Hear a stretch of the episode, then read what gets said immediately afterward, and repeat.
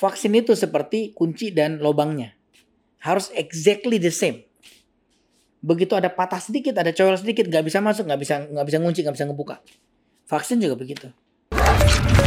Inilah Endgame. Teman-teman, hari ini kita kedatangan Dr. Tompi. Teman saya yang sudah lama saya kenal. Seorang musisi yang terkenal banget, fotografer, apalagi ya, filmmaker, dokter, macam-macam lah. Bisa dibilang renaissance man. Tom, thank you bisa datang ke studio. Wah senang banget pak. Dari pertama kali ngeliat Endgame saya langsung bilang nih gue harus diundang.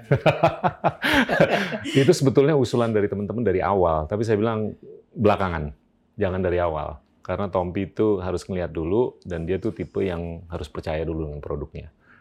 Tom, saya mau nanya mengenai masa kecil Anda. Iya. Cerita dikit deh. Dari lahir di Loksmawe, tanggal 22 September. September. Sehari, 78 ya? Sehari. Sehari setelah saya lahir. tapi beda 13 tahun. Iya. Gimana Tom? Cerita. Eh, ya basically sih saya dari keluarga eh, berkecukupan tapi tidak berkelebihan sih pak. Siap. Jadi bapak saya itu eh, dulu pelaut, terus eh, banting setir ke jadi petani, tapi bukan di nanamnya, tapi lebih ke kilang padinya.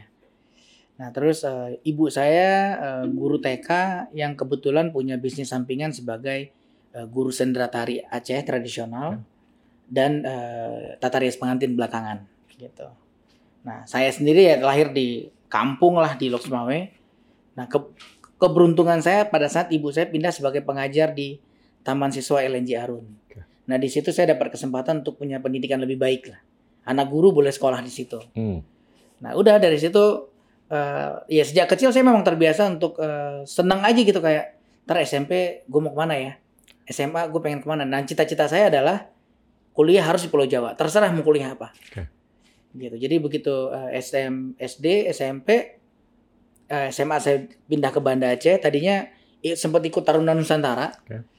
Eh, Wow. nggak lulus karena psikotes saya nggak cocok jadi jadi orang pinter kayaknya nggak cocok jadi tentara gitu. Jadi eh, saya juga bingung sih waktu itu. Seingat saya saya nggak lulus kayaknya gara-gara saya bercanda sih.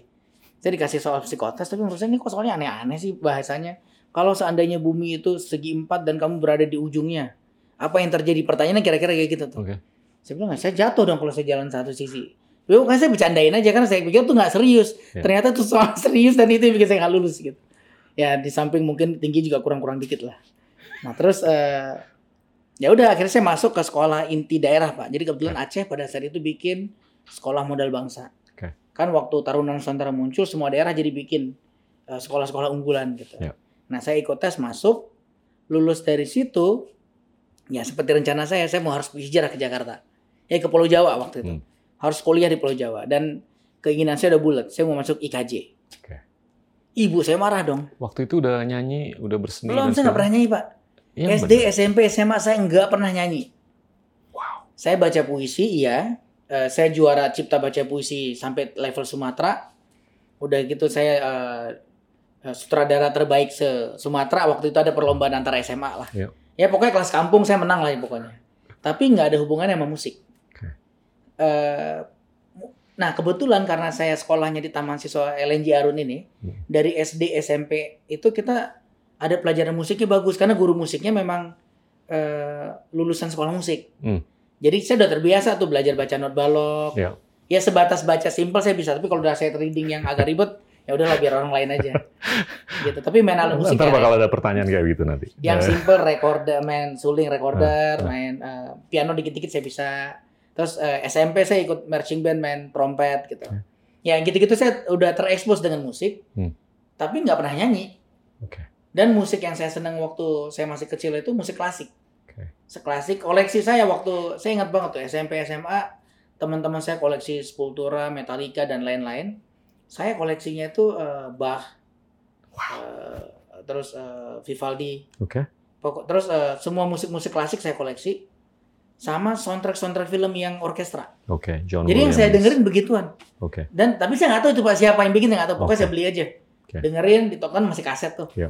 Di Banda Aceh waktu saya kalau di Banda Aceh setiap weekend ya udah uang jajan saya saya sisihin buat beli kaset. Dan itu teman-teman saya nggak ada yang pinjam karena musiknya apaan sih nggak mereka nggak ngerti. ya itu yang saya dengar, saya dengerin Phantom of the Opera gitu-gitu. Jadi mungkin exposure itu karena udah dari awal, Oke. jadi agak rapih gitu ya eh, tatanan eh, apa namanya exposure musiknya. Orang tua nyanyi nggak? Ibu saya penyanyi, Oke, oke. tapi beliau bukan penyanyi panggung gitu. Jadi karena tari Aceh itu kan ada musiknya, ada ada vokalnya kan pak. Siap. Jadi kita bersedati atau bersamaan itu sambil nyanyi, gitu. Jadi mungkin latihan latihan ritmenya di situ sih. Latihan vokalnya karena saya sambil nari, saya ikut tari saman dan lain-lain. Ya di situ saya latihan vokalnya secara tidak sadar. Oke. Terus saya main rapai, main gendang Aceh. Oke. Nah itu yang ilmu-ilmu dasar itu yang begitu saya nyampe Jakarta dikasih konga. Ya udah saya biasa main gendang dum tak tak dum tak tak dum. Saya pindahin aja ke konga, tinggal kanan tangan tangan kiri gitu. Hmm. Orang bilang wah jago banget. Saya sempat dapat penghargaan best percussionist JGTC. Belajar kagak, pegang alat baru sekali itu doang. Terus tiba-tiba jadi juara kan saya juga bingung. Ini yang salah jurinya atau saya nih gitu. Ya tapi itu mungkin mentranspose apa yang saya punya Iya. ke hal yang baru gitu. Ah. Nah, ya jadi menarik aja sih. Cuma yang menarik, yang paling lucu sebenarnya adalah cita-cita saya pengen jadi seniman. Saya pengen sekolah IKJ, udah udah bulat tuh. Saya pokoknya masuk IKJ. Berantem sama ibu saya lama banget. Ibu saya bersikeras, jangan harus kedokteran. Di keluarga harus ada yang dokter deh satu, biar harga ya. Kalau di Aceh itu gini pak, zaman itu ya. Iya. Kalau ada yang dokter tuh keluarganya kayak keangkat Keren, gitu. keren. Prestige. Ya prestisnya Hmm. di situ. Ibu saya pengen gitu. Nggak usah dulu, sekarang juga masih. Oh masih ya? ya udah jadi saya nggak mau. Nah cuma kebetulan memang secara akademik nilai saya baik-baik aja gitu. Jadi eh, SD, SMP, SMA selalu masuk di lingkungan lima besar, tiga besar gitu. Bagus. Cuma honestly saya nggak terlalu enjoy belajar sih pak.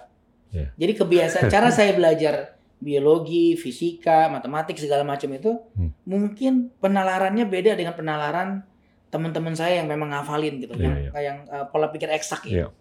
Semua tuh saya analogiin aja. Iya. Jadi saya sampai belajar lulus jadi do- dokter bedah plastik pun itu dengan proses analogi semua. Wow. Jadi bukan yang eh, ya mungkin otak otak seni saya yang lebih banyak saya pakai sih untuk itu Iya. sih. Iya. Gitu. Jadi eh, saya nggak bisa tuh ngafalin misalnya jalannya arteri itu eh, kalau di buku anatomi itu ribet banget sih pak. Iya. Jadi begitu keluar di jantung nanti sekian sentimeter dari ini dia akan kepecah jadi dua. Nah jalan nanti ketemu lagi pecah jadi tiga. Nah itu saya bingung tuh. Iya. Saya ngafalin itu sampai bego nggak bisa bisa. Nah, ya udah saya gambar aja. Saya gambar sambil saya main-main aja Iya. pokoknya gitu. Kira-kira segini ya berarti ini sekian senti nih.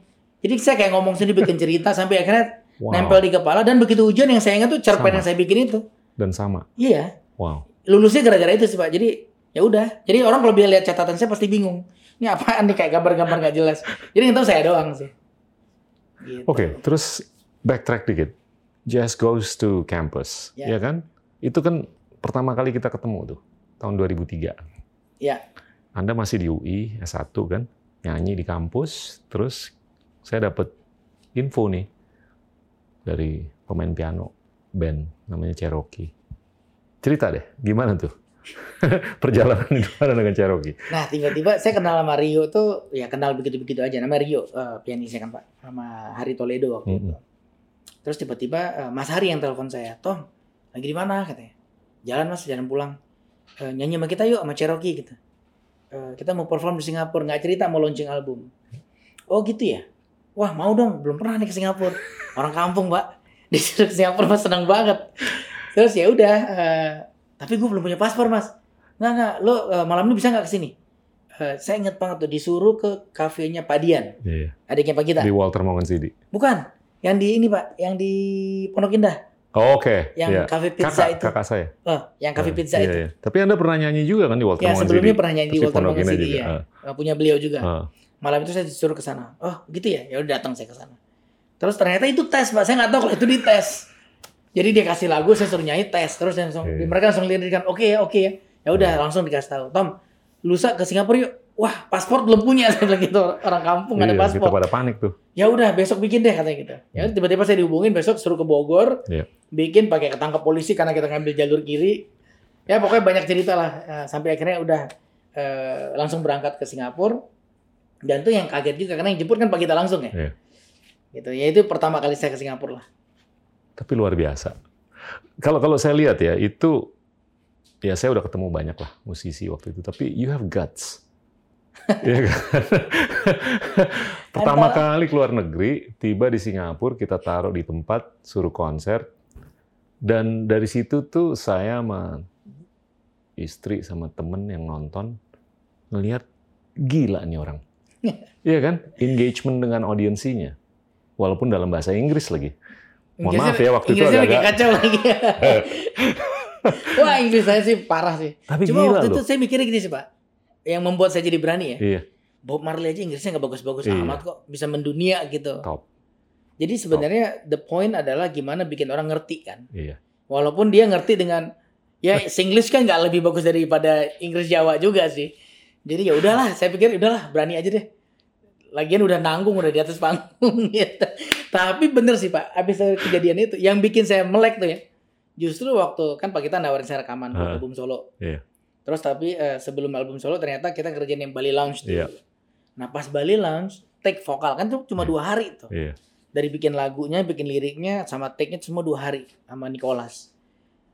Eh siapa istrinya tuh Bruno, Marina. Marina, Mar- ya, Nicholas Marina bantuin Rastul. buat ngebenerin pronunciation saya kan waktu itu. Wah itu stressful banget sih. Setiap saya nyanyi nadanya udah bener, semua udah bener, bahasanya kagak bener. Iya. Terus dia bilang, terus saya bilang, Marina udahlah. Bob Marley juga nggak nggak, ya tapi Iya. orang ngerti dia ngomong apa Iya.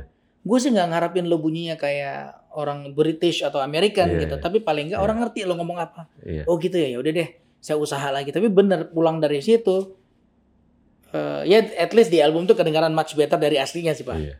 sampai apa waktu kita perform di Java Jazz Iya. wah orang-orang ngirain saya bukan Oh. orang Indonesia kan Top. Terus semua ngomong pakai bahasa Inggris terus gue jawab pakai bahasa Indonesia aku jawab pakai bahasa Indonesia nih terus yang lucu tuh mereka mereka wah gila dia bisa bahasa Indonesia itu lucu banget padahal emang orang Indonesia banget gitu. Iya. aduh itu lucu banget Saya di situ tuh.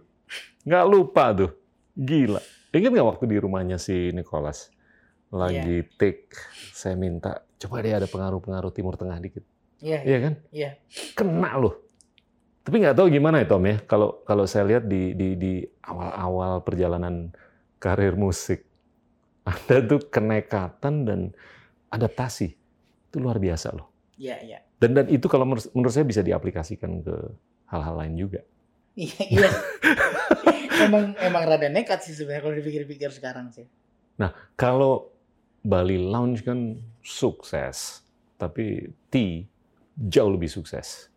Ya kan? Cerita deh gimana tuh metamorfosanya. Emang eh, dalam banyak hal di musik saya learning by doing sih pak. Oke. Nah yang lebih lucu lagi album itu kan saya jadi waktu saya belajar waktu karena di Nicholas itu proses rekaman al- Bali Lounge itu benar-benar kita sebelah sebelahan.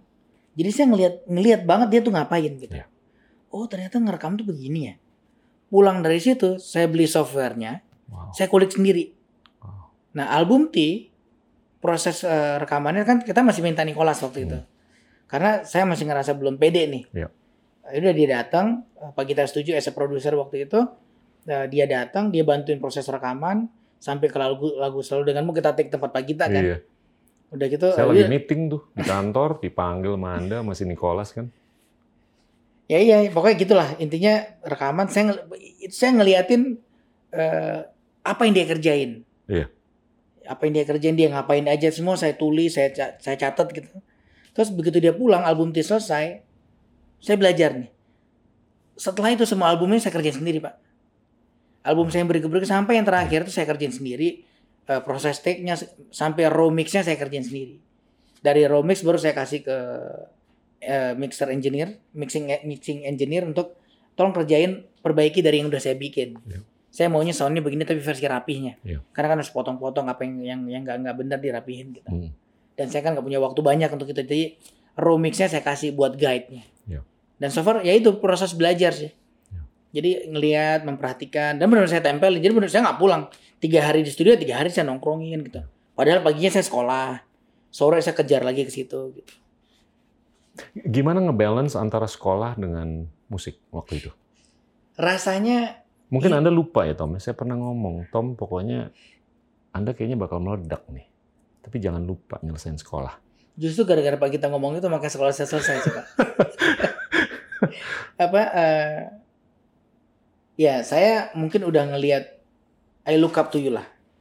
Saya Sama, ngelihat, sama, I look saya ngelihat Pak Gita itu eh ya dari zaman Pak Gita cerita waktu kita pertama eh, beberapa kali ketemu di Singapura kan Pak Gita sempat bilang saya bakal jadi menteri nih. Itu Lagi jauh. mabok kali ngomong gitu. Hah? Lagi mabok lagi ngomong. Enggak, enggak, enggak. Sober banget sih. Itu jauh. Saya akan pulang ke Indonesia dan bakal jadi menteri. Saya nggak tahu Pak kita ingat nggak ngomong itu. Tapi yang pasti itu nempel banget di kepala saya. Saya langsung lihat. Saya harus belajar eh, apa ya? Ant- bukan antusias, mungkin apa ya? Eh, apa kalimat yang tepat untuk itu ya? Kayak yakin gitu Iya, kayak iya. kayak punya satu keyakinan yang Determined. iya Iya. iya mungkin itu kata yang lebih tepat Iya. sih nah ya udah terus ya, dan kejadian kan pak Iya, iya. dan pada saat Pak Gita jadi menteri, saya nggak berani ngedeket. Saya nggak pernah datang ke Pak Gita waktu Pak Gita, kecuali yang urusannya Iya, musik urusan itu doang. hak cipta. Tapi di luar hal itu saya nggak berani ngedeket. Iya, iya. Karena saya nggak nggak mau or- orang lain tuh mikir, wah mentang-mentang Pak Gita menteri saya jadi nempel terus gitu Iya, punya kepentingan pribadi saya nggak mau. Padahal saya berharap banget Anda bisa datang. Gitu. Yang pas acara yang itu kan Pak kita bikin sekali Iya, musik gitu. betul. Ya gitulah. Jadi emang ya semua ada prosesnya lah. Gimana Tom ngebalance? Oh ngebalance itu tadi ya. Ya mungkin karena itu Pak, kan orang bilang kalau lo suka ngerjain sesuatu yang lo suka, lo nggak akan ngerasa capek. Oke. Ya proofnya mungkin itu sih. Karena saya senang musik, Ya. saya bisa nggak tidur sih Pak. Padahal pulang pulang jaga tuh udah capek banget. Itu saya kerjain sambil sekolah kedokteran yang semua orang tahu lah. Capeknya sekolah kedokteran tuh, aduh keterlaluan sih capek, capek banget. Dan saya kan nggak bisa cabut. Ya. Kalau cabut ketahuan gitu, nggak bisa nggak lulus kan. Jadi saya nggak bisa cabut. Jadi kewajiban sekolahnya harus beres. Nah pulang dari situ orang lain tidur, saya ngerjain musik. Tapi memang karena itu, karena suka aja nggak ngerasa capek sih. Padahal mungkin badannya udah dihajar gila-gilaan sih. Hmm. Gitu makanya eh, ya itu asal suka aja dulu. Jadi saya setiap orang nanya kok bisa sih ngebalance ya harus suka sih. Kalau nggak suka pasti nggak mungkin. Iya. Jadi kayak berasa dijajah ya, jadi kayak Iya. kepaksa. Gitu. Ini mulainya dengan curiosity, terus kesukaan, kecintaan, terus sampai sekarang kan ditekuni kan. Iya. Itu sama dengan fotografi, Iya. sama dengan filmmaking, sama dengan kedokteran. Kedokteran tuh sama seperti nekunin musik. Pada akhirnya ya Oke. tiga bulan pertama sekolah saya agak jadi waktu diumum dapat pengumuman UMPTN lulus FKUI saya senang. Iya. Senangnya karena lulus FKUI-nya sih sebenarnya bukan karena masuk Siap. kedokterannya sih. I mean semua orang pengen masuk ya tiba-tiba ada anak kampung lulus nih. Dan saya UMPTN-nya di Bandung waktu itu. Iya. Nah ini ada cerita lucu sedikit pak sebelum nyampe ke situ ya. Hah. Di Aceh saya ikut eh, apa namanya eh, kan kalau bimbel tuh ada ada tes UMPTN kan Oh. Kayak tes pura-pura gitu. Itu ranking saya selalu bagus pak. Gitu rankingnya bagus lah, masuk eh, masuk ranking blok-blok awal 10 besar Oke. se Aceh gitu waktu itu. Ya kita cukup pede ya lulus nih UMPTN gitu. Selesai Eptanas saya langsung lari ke Bandung ikut bimbingan tes di Bandung. Bareng kita bersepuluh rombongan satu sekolah saya berangkat ke Bandung. Ikut bimbingan di Sony Sugiyama Colle- College dekat ya, ITB di Sumur Bandung tes nih minggu pertama kita dites semuanya. Trial eh, tryout namanya. Tes selesai kayaknya bisa. Wah masih masih gape bisa. Pengumuman Jumatnya. Saya cari di papan pengumuman dipasang pak dari ujung ke ujung gitu. Saya cari di papan pertama dong. Kan kalau di Aceh nama saya di awal. Saya cari anjir nggak ketemu. Nggak ketemu. Papan terakhir paling bawah nah itu nama saya. Wah saya langsung shock tuh. Wow. waduh. Kok kemarin kayak saya kalau saya terlalu euforia sama itu Ya. untung itu kejadiannya begitu sih. Reality check. wah langsung saya itu langsung pulang langsung bawa buku. Udah tuh nggak nggak nggak nggak ada ke mana-mana lagi. Langsung baca setiap hari. Udah kayak orang gila sih. Selesai bimbingan tes eh, selesai bimbingan tes kita nongkrong di pustaka ITB belajar lagi sampai sore baru pulang. Malam habis sholat segala makan makan baru belajar lagi sampai subuh. Wah udah gila deh pak. Sebulan tuh udah kayak orang gila. Terus UMPTN saya tes di Bandung makanya pas pengumuman lulus saya senang banget kan Naik. Iya. Ya nggak tahu ranking berapa tapi yang pasti lulus di FKUI aja. Gitu. Jadi udah masuk oh, waktu itu saya Berapa juga kali Tom episode kayak begitu? Anda udah kayaknya agak-agak confident terus kepleset. Terus Hmm. bangkit lagi. eh, kalau akademik mungkin itu sih Pak. Kalau Oke. non akademik eh, waktu lomba baca puisi. Jadi saya dulu dulu tuh zaman SMA istilahnya kalau ngomong eh, pembaca puisi, Hmm. nama saya pasti eh, salah satu yang terdepan lah. Siap. Jadi di sekolah pun guru sangat percaya udah Tompi nih. Jadi suatu waktu kita ada perlombaan tuh se Aceh. Begitu i- i- ya, sombongnya tuh begini nih. Ngelihat ngelihat Tompi masuk, wah udah pasti dia nih juaranya nih. Udah yang lain udah pasti enggak deh. Wah arogansi itu di kepala saya besar Iya. sekali sih pak. Saya masuk ruangan tuh dengan pongah dengan rasa udah pasti gue yang menang. Karena yang lain tuh semua saya ngajarin. Ya. Even eh, teman-teman saya aja kalau Tom, ntar gue bacanya gimana nih. Hmm. Jadi mereka tuh kayak mengereplika apa yang saya kerjain. Hmm. Jadi pas lomba tiba-tiba hang. Wow. Dan saya nggak menang, anak buah saya menang. Dia juara satu. Yang saya ajarin juara satu, Eh. saya kagak masuk final juga kagak. Wah, terus itu tuh benar-benar kayak tamparan sih. Di situ sejak itu benar-benar kayak ngajak ya kayak Tuhan tuh negur, lu jangan kegedean Iya. kepala gitu. Penting, penting. Wah. O- Oke. Kalau kalau kedokteran masih jalan kan, musik masih jalan. Ini saya mau nanya Anda mengenai teman kita nih, almarhum Glenn. Hmm. Ya kan? He's a great man, a dear friend. Saya inget tuh, yang bawa Angga ke saya, itu Anda dan Glenn. Yang rekomen saya ke Glenn untuk rekomen Angga, itu Anda kan? Iya. Ceritain deh. Ini, ini lebih mengenai Anda loh, bukan mengenai saya. Iya, iya. Iya kan? Tapi ini ini pertemanan Anda dengan Glenn, Sandy, Angga, ini kan luar biasa ini. Kreator-kreator konten yang luar biasa. Jadi saya kenal eh, Glenn itu karena waktu Glenn mulai aktif-aktifnya eh, memperjuangkan suara timur. Siap. Dia banyak bikin konser segala macam. Somehow dia telepon saya, minta saya bantuin buat acara itu dan saya Hmm. selalu bantu gitu. Tapi ya waktu itu kita belum dekat kayak brothers gitu pak. Yap. Nah baru mulai dekat banget itu waktu kita bikin trio lestari. Which is saya telepon dia, Glenn gue ada project nih, pengen bikin gini-gini. And I'm thinking lo harus jadi bagian dari gerakan ini. Yap. Wah, I'm in, dia bilang gitu. Ayo kita ketemu. Begitu ketemu, ya dia kan memang orang dengan ya, ide-ide gila kan pak. Ya. Jadi langsung idenya keluar, Tom kita gini gini gini. gini. Oh, ide yang tadinya kecil itu menjadi besar. Trio Lestari itu menjadi lebih besar daripada sebatas kita bermusik. Jadi udah bukan lagi gerakan bermusik sebenarnya Ya. Trio Lestari. Yang itu kita ter- eh, telurkan ke panggung dan lain-lain lah. Ya. Nah, di situ saya makin dekat sama dia. Dekatnya itu dekat banget. Ya. Gitu. Eh, tapi ada satu hal yang membuat saya sama dia itu nggak pernah yang selalu saya jaga gitu. Ya. Saya nggak pernah nanya, lo lagi dekat sama siapa sekarang? Saya nggak pernah sentuh-sentuh urusan asmaranya dia, nggak pernah. Gitu. Da- kayaknya itu yang membuat dia makin respect sama saya sih. Jadi Ya. pokoknya saya nggak mau kepo. Bagus. Dia cerita saya dengerin, enggak juga saya nggak pernah lo masih apa nggak pernah. Ya. Nggak pernah saya cie-ciein. Ya bisa ke temen kan gitu. Ini nggak pernah. Jadi kita mungkin itu saya rasa yang buat eh, dia semakin dekat gitu. Nah suatu waktu kan zaman-zaman eh, nah ini relate ke acara ke kenapa saya bisa mempertemukan Eka Pagita kan. Ya. Mereka bikin film nih, Cahaya dari Timur. Iya. Duitnya habis. Glenn telepon saya tuh jam 12 malam apa jam 1 pagi gitu. Saya udah sebel aja udah tidur telat, jam segitu telepon oh ternyata Glenn ya saya angkat. Kenapa, Bre? Tom, boleh pinjam duit nggak se-M? Se-M loh Pak mintanya. Terus saya bilang, wah gila lu Glenn. Gue sih duitnya ada tapi ntar gue bayar, gue kasih lu bayarnya gimana? Saya bilang gitu. Ntar kita jadi musuhan gara-gara ini nih. Enggak, enggak, enggak, ntar gue bayar pokoknya. Eh, ntar bayarnya bayarnya gimana ya? Ntar kalau filmnya laku, kan duitnya masuk tuh. Ntar kita ya kalau kagak laku gimana? Saya bilang gitu. Eh, saya pragmatis aja kan Pak. Ya, ya. Benar. Oh, ih, habis gimana dong? Bantuin dong. Soalnya kasihan nih anak-anak udah di Ambon, udah udah beberapa hari eh, logistik habis nih. Harusnya kita ada source dana dari ini, ternyata nggak jalan gitu katanya.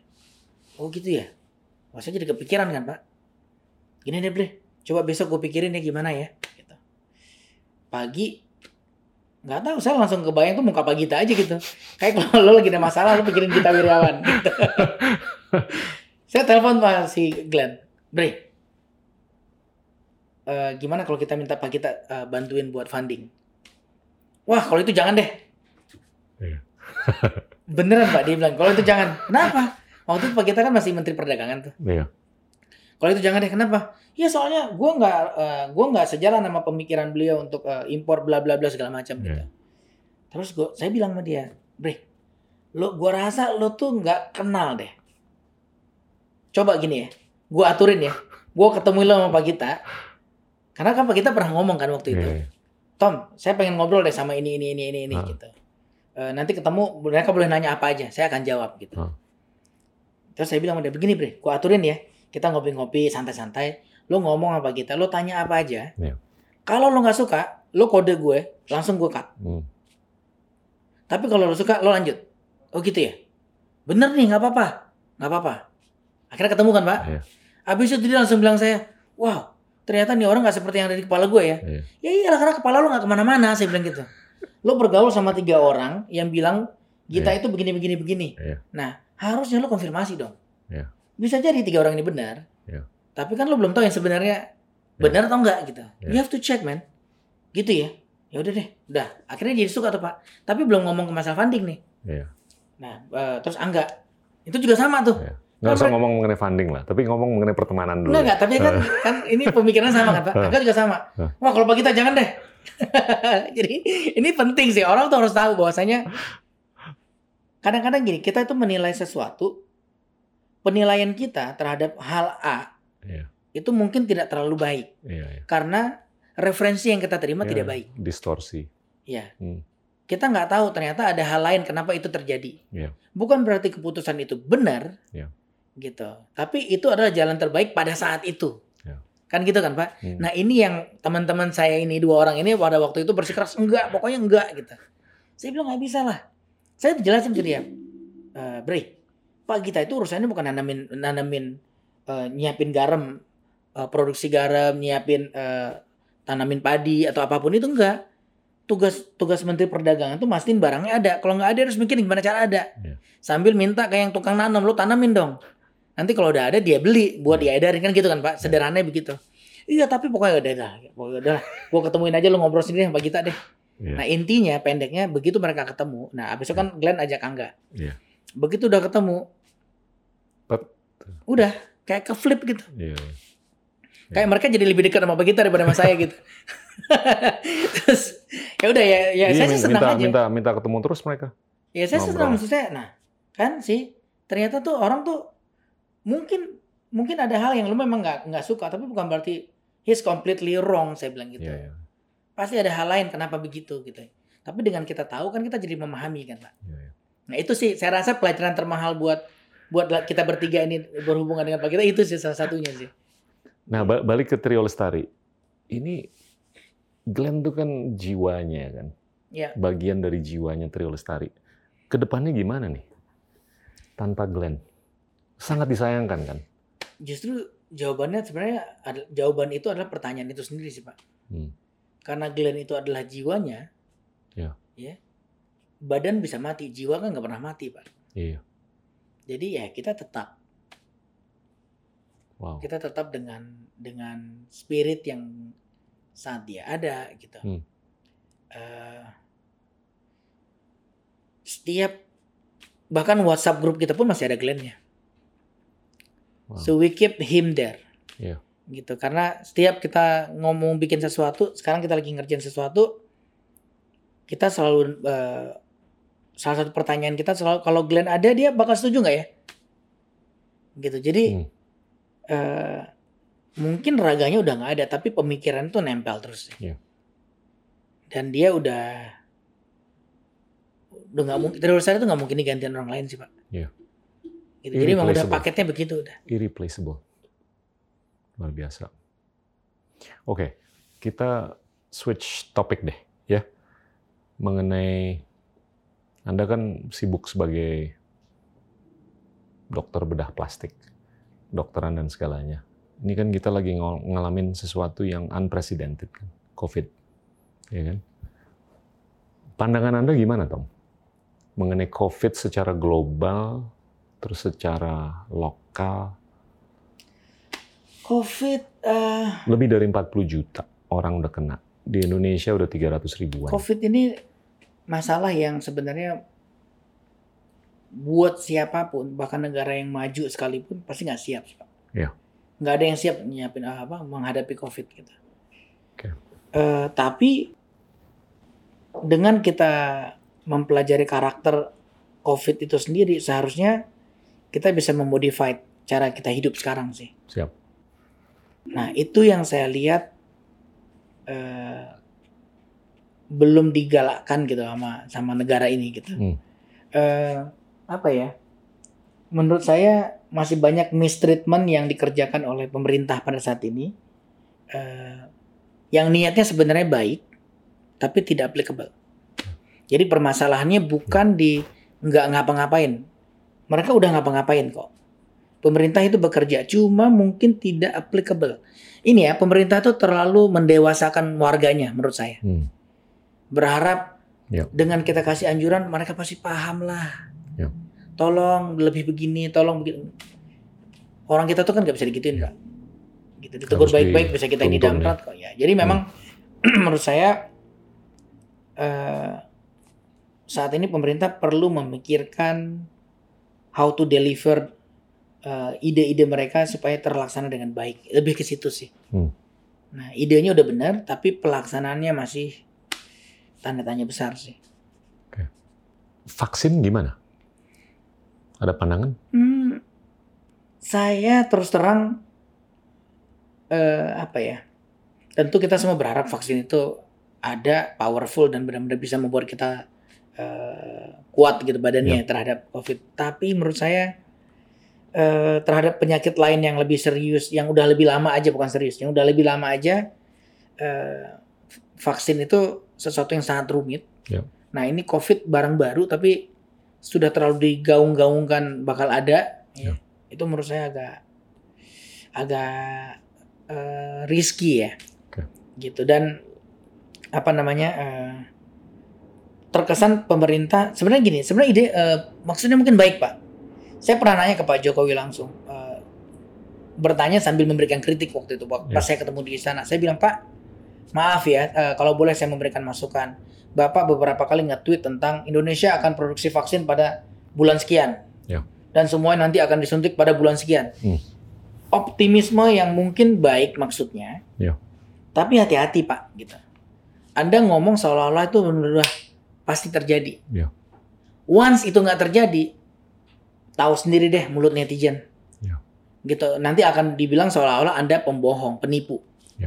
Ya. Padahal maksudnya kan maksud beliau beliau menenangkan Mulia. rakyatnya. Ayo, tenang, kita ini udah ada vaksinnya gini-gini. Hmm. Nah, tapi mungkin delivery cara penyampaiannya jangan terlalu Betul. jangan terlalu wah ini sudah 100% pasti bisa. Ya. Karena vaksinnya aja belum ketemu waktu beliau ngomong itu vaksinnya aja belum ketemu. Ya.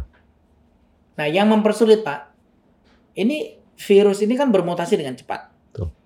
Vaksin itu seperti kunci dan lubangnya. Ya. Harus exactly the same. Ya. Begitu ada patah sedikit, ada coel sedikit, nggak bisa masuk, nggak bisa nggak bisa ngunci, nggak bisa ngebuka. Ya. Vaksin juga begitu. Hmm. Dia mungkin oke buat tipikal eh, jenis yang serotype yang ini, yang Ya. A. Begitu A-nya udah jadi A plus Hmm. atau A apalah namanya, Ya. udah nggak bisa. Nah sejauh ini aja serotype-nya udah banyak banget. Nah kita kan belum nemu nih vaksin yang untuk semua serotype. Ya. Apa mau semuanya dikasih? Kan nggak mungkin juga. Jadi maksud saya buk- eh, bukan saya men- menebar pesimisme ya, tapi Ya. maksud saya eh, Harus realistis. ya realistis dan kita lebih berhati-hati lah gitu supaya jangan sampai niat baik untuk optimisme yang eh, ingin disebar malah menjadi seolah-olah begitu nggak kejadian dianggap kita yang berbohong gitu. Ini kalau ngomong vaksin kan ada beberapa tahapan kan. Yang pertama tentunya produksi. Ya. Kedua komersialisasi. Ketiga affordability. Keempat distribusi. Kelima eksekusi. Ini kan setiap fase ini banyak ketidakpastian kan?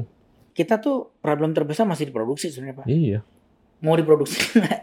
Maksudnya di eksperimen aja belum belum clear kan. iya. Dan Nah, dan Terakhir saya Hmm. baca kemarin eh, beritanya di di China ya. Eh, beberapa vaksin yang udah dicoba disuntikan Iya. itu bikin orang mati. Dilaporkan ada angka kematian setelah eh, Ya. pemberian vaksin. Entah itu vaksin yang sama yang dimaksud atau enggak saya nggak baca Ya. detailnya. Tapi ya menjual vaksin itu nggak segampang jualan pisang goreng sih yang pasti. betul, betul. Jadi nggak bisa buka warung, saya jual vaksin terus orang pada nggak bisa. I- i- insya Allah lah produksinya nih kinclong, ya kan? Tapi masih ada tahapan-tahapan yang lain kan? Selama produknya sudah uji klinisnya udah lewat, Pak. Iya. Produksi itu hal kecil sih. Iya, Yang penting sekarang uji klinisnya bener nggak? betul. gitu. Jadi, eh, nah produk-produk itu uji klinis kalau obat-obat yang baru itu bisa lama sekali. Nah ini kan dipercepat nih, Iya. karena ngejar pandemiknya kan. Nah itu gimana? Ada ketergesa-gesaan nggak?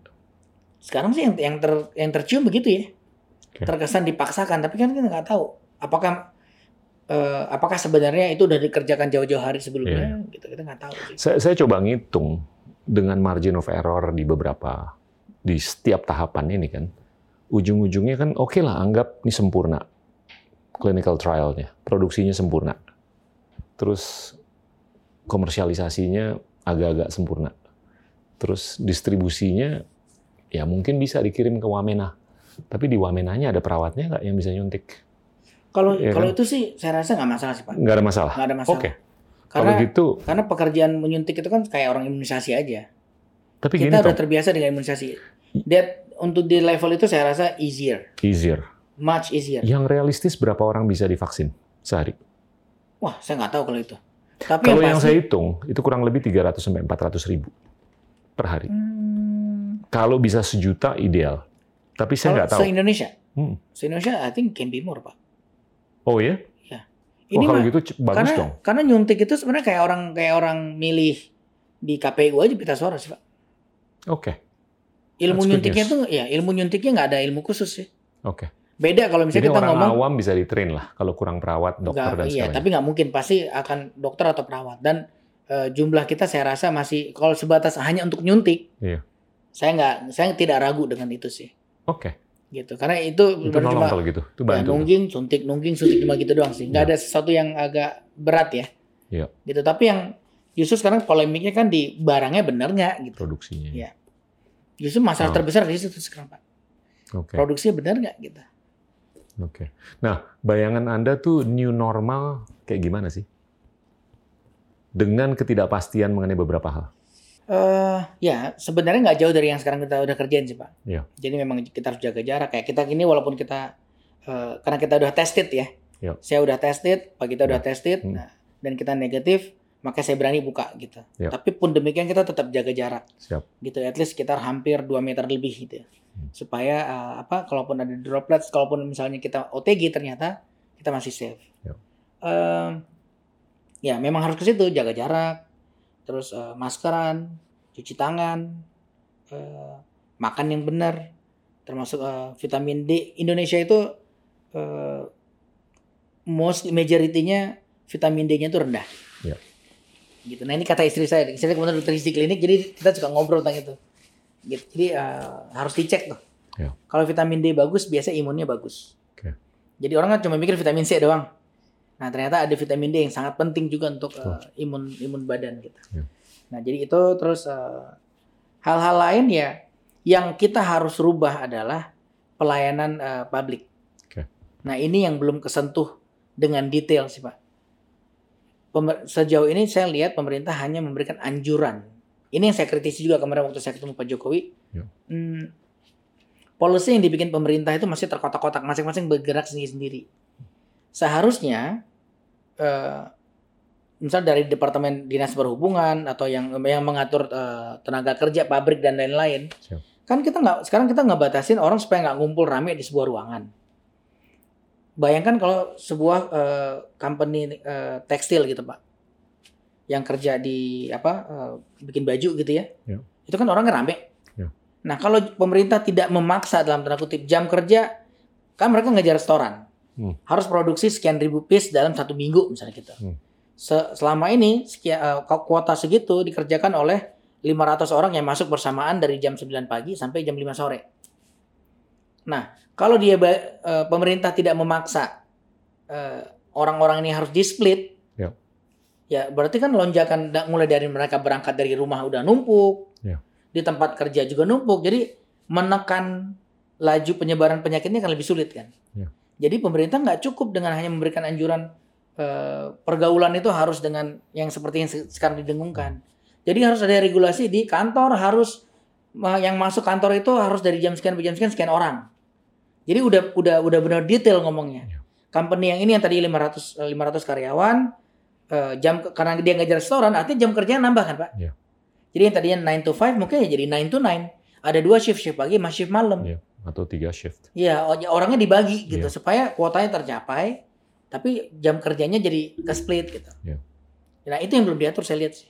Tapi ini ngaruh ke ekonomi cukup loh. Ya, ya banget lah pak. Sekarang contoh paling dekat misal bioskop nih. Hmm. Bioskop dipaksakan mau dibuka di Jakarta. Iya. Kuotanya ternyata hanya boleh 25%.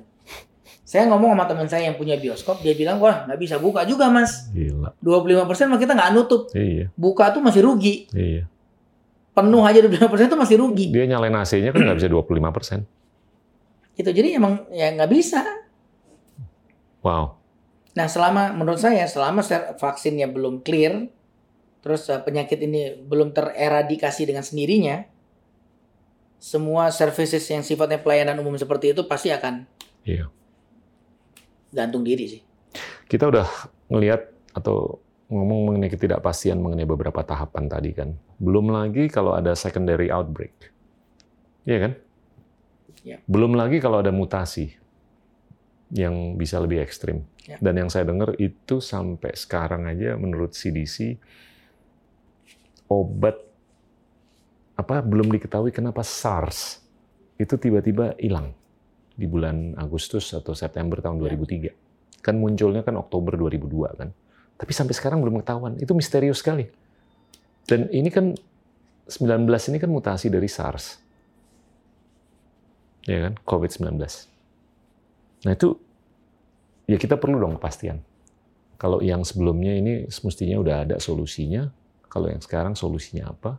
Terus nggak menjamin kan? Nggak bisa terjadi mutasi lagi yang lebih ekstrim. Ya. Nah itu harus di diinkorporasi tuh dalam ya kalau kita di bisnis kan ada namanya financial projection kan. Ya. Asumsi-asumsi seperti itu harus diletakkan. Nah itu masih goyang semuanya. Gimana tuh? Di bisnis kan, di ekonomi yang diinginkan kan kepastian, bukan ketidakpastian. Ya itu PR-nya. ya itu New, new normalnya nih belum kebayang bentuknya kalau menurut saya. Dan saya tetap berpegang, oke lah asumsiin aja 300 sampai 400 ribu orang tervaksinasi per hari, sebulan 9 jutaan, setahun 100 jutaan, Kalau vaksinnya udah ada sih, saya rasa problem solved Pak. problem solve ya. Problem solved. Kalau Oke. vaksin udah ada dan benar-benar uh, it works ya. Kalau it works, recovery ekonomi itu bisa cepat sekali. Iya, tapi kalau misalnya enggak ya maksud saya so- sejauh itu tidak yang harus kita modify adalah cara hidup kita sih. Iya. Nah, saya kemarin sempat pemikiran ini kebetulan kebetulan saya lagi mengembangkan klinik eh, kita lagi pengen bikin klinik cabang banyak tuh, Pak dari Beautiful yang saya punya. Iya. Nah, terus ngobrol lah sama beberapa teman yang mempertanyakan ntar safety-nya gimana karena mau mau ada masuk eh, gymnya dan lain-lain kan kayak gym sekarang mati nih di mana-mana. Iya. Padahal sebenarnya kalau mereka mau repot sedikit ya mungkin gitu kan toh kita udah tetap melakukan pemeriksaan orang yang datang. Iya. Nah, separasi tempat harus per alat. Even bioskop, saya menurut kalau menurut saya sih kalau memang mau tetap ada bioskop, kan bioskop itu tertutup, tertutup tuh pak. Jadi di dalam itu harus ada udah ada gelas-gelas kecil yang membatasi. Akrilik. Yes, mau tidak mau. Wow. Kalau memang masih mau menikmati eh, layanan bioskop layar lebar begitu ya, jadi kita duduk udah terpisah dan semua tempat itu udah ter udah udaranya langsung keluar semuanya. Iya, iya. Begitu dia keluar langsung desinfektannya nyemprot. Kayak, kayak di pesawat kan, ada sirkulasi. Gitu. Jadi memang udah harus begitu. Kalau memang kita masih berharap hal itu ada. Hmm. Kalau enggak ya, selama vaksinnya nggak ada ya udah kita ngalah kalah terus sama keadaan. Yang repot kan sekarang kan ini Hmm. ya sama kayak sekarang negara kita hadapin kan, Pak. Economy first atau healthy first, Health. Kalau saya sih health. ya kan? Hmm. Ya, dua-duanya kan ribet nih sekarang. Anda yang mana? Health atau economy? Saya sih dari pertama teriak lockdown, Pak. Iya. Setuju. Cuma permasalahannya memang begitu udah ngob- lockdown bukan lockdown yang ekstrim ya. Hmm. Misalnya lockdown dalam arti kita benar-benar ngebatasin Hmm. semuanya eh, dengan cara yang benar-benar ditekan gitu supaya yang nggak nggak perlu benar-benar nggak usah gitu. Dan ada fasenya saya benar-benar lockdown saya dan keluarga sekitar hampir 2-3 minggu tuh di awal-awal. Ya. Cuma akhirnya kita keluar juga dan kayaknya nggak mungkin juga sebegini. Karena negara kita nggak siap sih Pak. Ya. Kalau di lockdown ekonominya juga ya pasti akan memperburuk ekonomi. Udah pasti tuh. Iya. Tapi dibelain ekonomi orang ma- pada mati. Iya. Dan akhirnya akan jadi emang udah kayak ayam telur telur ayam sih. Tapi emang harus berani pemerintah dalam hal ini harus berani ngambil apa gitu, ngambil Apa sih yang beda antara apa yang kita lakukan dengan yang Taiwan lakukan, Tiongkok lakukan, Vietnam lakukan? Taiwan itu cenderung ini menurut saya pak Hmm. cenderung eh, orangnya itu eh, setipe Hmm. kalau dibilang enggak manut semuanya ikut enggak Iya. jadi pada saat dibilang jangan keluar rumah diam semua Ya. itu eh, proses berpikirnya lebih dewasa mungkin Hmm. nah kita belum di level itu kita tuh terlalu beragam beragam suku beragam jarak beragam pulau beragam kebiasaan budayanya beda-beda kita bilang jangan keluar rumah di Madura kita yang mau dibacok. Kira kan itu yang kita lihat di, di, di, di televisi kan. Disuruh pulang kita yang dimarahin. Ya. ya kayak gitu. Wow. jadi emang eh, ya itu yang membedakan. Jadi jangan dipakai cara negara lain menganjurkan warga negaranya untuk A B C D E. Kita juga menganjurkan. Nggak Iya, cukup dengan anjuran kalau di sini. Ya. harus ada sesuatu yang lebih tegas gitu. Ya. nah Wow. cuma kan saya pernah ngomong Pak Pak Pak, Pak Jokowi juga saya bilang Pak kenapa sih Pak nggak bikin aja aturan eh, ya perpunya misalnya gitu Iya. supaya lebih tegas misalnya eh, entah itu tentara atau polisi dilibatkan untuk menjaga Iya. udah kita udah coba pengen gitu eh, saya minta polisi untuk gini gini tapi nggak boleh karena undang-undangnya kan itu kan ada ham dan segala macam nanti terlanggar nggak boleh ya kalau gitu jangan dipukulin jangan dipukulin jangan di nggak usah ditangkap gitu karena kalau ditangkap itu repot juga ngurusinnya Iya. tapi at least ada yang patroli buat ngingetin. Gitu kan kalau misalnya yang ngingetin saya saya di- dimarahin tapi kalau ngingetin aparat kan memang udah tugasnya gitu nah Terus? kayaknya sekarang nggak nggak tahu sih sekarang sih kalau weekend sih saya lihat udah mulai banyak ya Iya, iya. eh, aparat sama tentara atau polisi yang megang spanduk Ngawasin. ngikutin orang yang enggak. Ya, kalau saya setiap pagi kebetulan sepedaan Pak sekarang. Iya. Jadi sering ngelihat mereka Terus negur kalau yang juga nggak kalau nggak pakai masker atau apa kan? Nah, harusnya itu dari awal dikerjain. Iya. Oke. Ya sekarang ya better better do daripada enggak sama sekali kan. Tom, kalau ngobrol mengenai genetik, gimana pandangan Anda? Itu Ini ilmunya ke istri depan kan? ya ilmu istri saya sebenarnya Nah, Pak. nggak apa-apa. Ya, Eh, tapi beberapa kali saya diskusi kan kita lihat di, di film-film nih sekarang tentang bagaimana rekayasa genetika. hmm, Dan sebenarnya ini kayak semakin mendekati ke arah bakal kejadian sih. sudah. Di Thailand orang udah bisa mau makan apa udah bisa dibikin nih rekayasanya. Mereka yang tadi nggak bisa nanam eh, tumbuhan tertentu sekarang udah Hmm. bisa nanam itu sepanjang musim. Iya. Thailand tuh nggak ada musim buah. Iya. Kita ada musim buah kan pak. Iya. Di sana mangga bisa terus-terusan ada tuh. Hmm. dan mangganya bagus gitu. Iya. Saya ke di Thailand berapa kali ke supermarket sampai bingung ngelihat kok bisa ya. Bintik-bintik aja nggak ada tuh. Kulitnya bisa bersih kayak kayak lukisan gitu. Kayak ini bener po buah-buahan atau enggak gitu. Iya. Sementara kita di sini kan pisang kita banyak bintik-bintiknya. Iya. Makanya eh ya itu mungkin ya kayak di mereka tuh udah udah agriculture-nya udah ada ada rekayasa. Perlu kan kita begitu? Ya, harusnya kita ngejar dong ke sana. Kenapa nggak? Nah, itu harus ditanya ke Menteri Pertanian kita sih, Pak. Kenapa rekayasa kita di pertanian belum se eh, yang di sana gitu ya. Hmm. Atau jangan-jangan sebenarnya udah ada tapi yang bagusnya di diekspor yang yang bintik-bintiknya kita yang makan di sini saya nggak tahu juga sih itu. Nah, Pak kita lah yang lebih tahu itu. Kalau dulu gimana? Kenapa pisang kita pisang kita diekspor nggak keluar, Pak? Ke Ada, Singapura aja misalnya. ada, ada. Tapi skalanya nggak nggak semasif apa yang dilakukan mungkin Meksiko Hmm. atau Filipina. Karena kan kalau kita ke supermarket, Pak, Hmm. kita beli pisang impor pasti kuning bersih kan. Hmm. Pisang lokal, pisang ayam kita tuh Iya. pasti bintik-bintik. Walaupun Yang- rasanya enak, tapi Iya. Saya nggak ngerti juga apakah bintik itu menandakan penyakit, Iya. apa, eh, apa tumbuhannya nggak sehat atau saya Iya. nggak ngerti juga sih. Yang keren kan kalau di airport Bangkok, Hmm. Iya kan? Di sebelah duty free gitu kan toko-toko buah-buahnya Iya. kan, waduh, perfect gitu loh. Pinggir jalan aja bagus pak. iya. Itu Dan manisnya bukan main, manis banget. Nah, apa yang sudah dilakukan dengan buah-buahan itu juga sudah dilakukan dengan manusia. Iya. Sekarang itu sudah, jadi kalau di bidang saya bedah plastik, eh, sangat berkembang sekarang adalah eh, stem cell treatment. Iya. Nah di Indonesia sayangnya, setahu saya sampai sekarang belum keluar regulasi stem cell itu diperbolehkan sebagai daily treatment. Masih boleh sebagai eksperimental di pusat pendidikan. Hmm. Eh, tapi kalau buat treatment belum boleh. Yang terakhir kan ditangkap tuh di Kemang. Tapi kalau di luar negeri eh, terutama Eropa itu udah mulai eh, gencar banget sih. Iya. Amerika belum. Ya. Amerika masih regulasinya masih ketat juga gitu. Eh, stem cell belum bisa se semena-mena lah. Iya. Tapi kalau di Tiongkok. Eropa tuh sampai kan banyak kita dengar petinggi di sini Pak. Beberapa menteri zaman dulu tuh mungkin eranya Pak Gita yang terbang ke Jerman untuk ngambil stem cell domba disuntikin ke badannya. Tiongkok gitu. Ya. Hmm. Saya sih ketawa aja sih. Hmm. Karena menurut saya kalau itu agak itu konsepnya agak berlawanan dengan konsep nggak konsisten menurut saya. Oke. Yang namanya ma- manusia itu diciptakan dari sebuah stem cell. Yap. Jadi eh, ada sel benih namanya, sel Yap. punca. Yang kalau dia nanti jadi eh, rambut, jadi tulang, jadi jantung, jadi otot segala macam itu dari satu sel itu. Teori teori embriologinya begitu tuh. Pak. Nah, ya kita sama domba kan udah pasti beda nih. Jadi kalau saya kalau diambil dianalogikan dari sana tuh kok kayak agak kejauhan ya. Iya. Gitu mau dimodified dari apa pun. Tapi kalau dari sel dia sendiri dimodified itu tuh mungkin. Iya.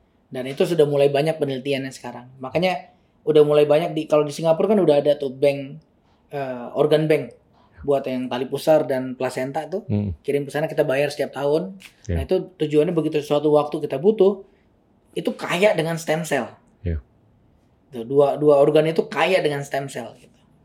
Nah, nah ternyata sekarang pada pada badan kita yang dewasa ini pun ada stem cellnya. Di fibroblast kulit itu masih ada. Di apa di lemak itu masih ada stem cellnya. Eh, Di PRP di plasma darah masih ada stem cellnya. Cuma memang jumlahnya tidak banyak. Iya. Tidak sebanyak pada yang eh, plasenta atau tali pusar bayi. Gitu.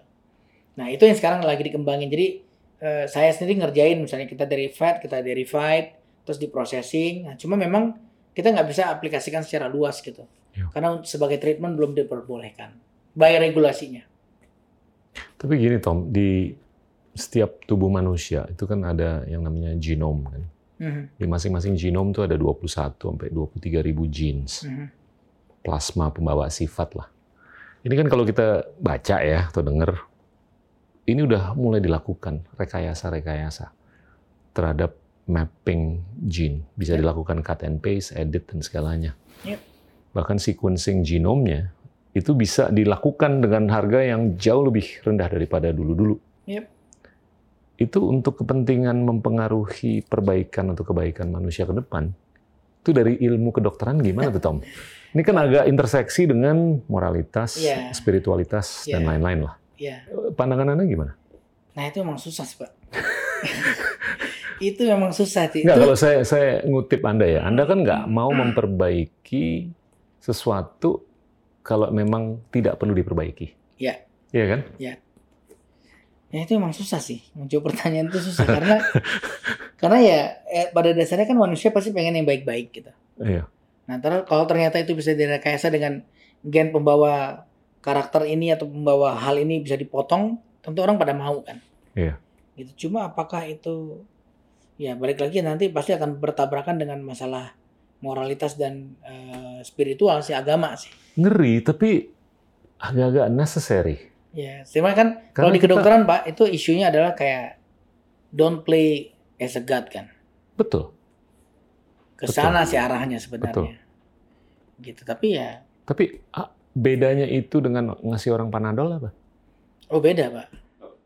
Kalau Panadol itu kan kita eh mengadjust tubuh kita ya supaya menurunkan temperatur respon kita terhadap Kita melakukan demam. adjustment terhadap genetik. Iya, tapi itu tidak coding. merubah tidak merubah indungnya. Oke, ini lebih remedial ya kalau Iya. panadol. Oke, mengembalikan ke Iya. Jadi itu itu eh, yang kita sebelumnya. yang kita yang kita touch Oke. itu respon badan kita. Iya, iya. gitu respon badan kita kalau ini nggak indung yang dirubah Ya. hostnya yang di yang dimodify dan Hmm. eh, penelitiannya sebenarnya memang pasti bakal rumit karena kita nggak tahu stabilitasnya kan Iya. gitu itu kalau dimodified begitu apakah ke depannya lebih rentan nggak dianya Hmm. bisa bermutasi nggak Iya. menjadi yang lain-lain lebih aneh entah, entah ke arah karsinogenik dan lain-lain kita kan nah itu bisa bermutasi. Nah itu penelitiannya kan belum selesai pak. Karena mau mau meneliti aja kan pasti yang sekarang meneliti kan pasti sembunyi-sembunyi tadinya. Iya. Begitu udah ada hasil ternyata oh ternyata bisa nih baru berani publish. Kalau nggak bisa dia pasti nggak publish. Tapi gimana Keburu. Kalau di beberapa negara regulasinya tuh agak-agak liberal mengenai hal-hal seperti Eropa itu. tuh. Eropa mostly Dan di Asia juga ada beberapa. China mungkin ya. so pasti. Dan kalau tiba-tiba mereka bisa menciptakan kode genetik yang mana orangnya itu IQ-nya 800, terus tingginya 2 meter, Iya. Bisa main basket kayak LeBron James. Gila sih. Nah, gimana kita bisa bersaing dengan mereka? Terus tiba-tiba kita masuk ke ruangan bernegosiasi untuk kerjasama ekonomi multilateral. Ya kita kebanting lah, karena mereka lebih efisien, lebih produktif dibanding kita. Itu gimana level playing field-nya? Ya. ya, ya itu tuh. Kalau emang sampai kejadian kayak gitu sih ya, ya udah pasti yang lain kalah sih. Ini ini secara empiris udah ada studi dan aksi di laboratorium untuk meningkatkan IQ orang. Dan secara matematis itu meningkatkan IQ orang ke seribu tuh bisa. Oh ya? Loh, sangat bisa. Dengan genetic recoding. Dan kalau kita mau menciptakan makhluk atau manusia supaya dia main golfnya kayak Tiger Woods, saya pernah ngomong itu pelari dari Ethiopia sama Kenya, itu sebetulnya kan ada anomali Hmm. di mana hemoglobinnya itu lebih banyak. Hmm, Sehingga, Sehingga dia bisa oksigennya lebih mentransportasi oksigen lebih banyak dari paru-paru ke sel darah. Nah itu bisa direkayasa tuh kayak begitu. Ya. Jadi kalau kita mau pelari-pelari kita menang di Olimpiade, kita bikin aja anomali seperti itu. Supaya produksi hemoglobin itu lebih banyak. Hmm. Nah itu, I, I know you're saying, I know what you're saying, you're playing God. Tapi ini kalau negara-negara lain udah ngomong, udah udah melakukan hal seperti itu, pusing loh kita. Aduh, saya Mungkin kita saja- nyanyi aja. Kita nggak bisa berkompetisi dalam konteks science atau ekonomi atau apa. Loh, ntar eh, rekayasa genetik kan nggak sebatas sains doang, Pak. bahkan ke gift kan, bahkan ke bakat nantinya. Karena eh, bernyanyi itu pun mungkin nanti bukan akan ada pemetaannya tuh. Iya. Kayak kemamp- eh, talent musik itu udah ada di genetik mungkin udah ada petanya tuh. Oh, Sequence kita bisa sequence genomnya Anda, Iya. terus nanti ya udah kita bikin tompi kedua, tompi bahkan tompi kuadrat, Iya. ya kan? Supaya Much, suaranya much bisa better lebih version of ya itu ngeri sih kalau sampai beneran aduh itu ngeri sih itu sih pertanyaan itu sama seperti ini sih pak Tapi gini loh Tom, konteksnya kan gimana supaya Indonesia ini bisa jadi bangsa yang keren. Iya kan?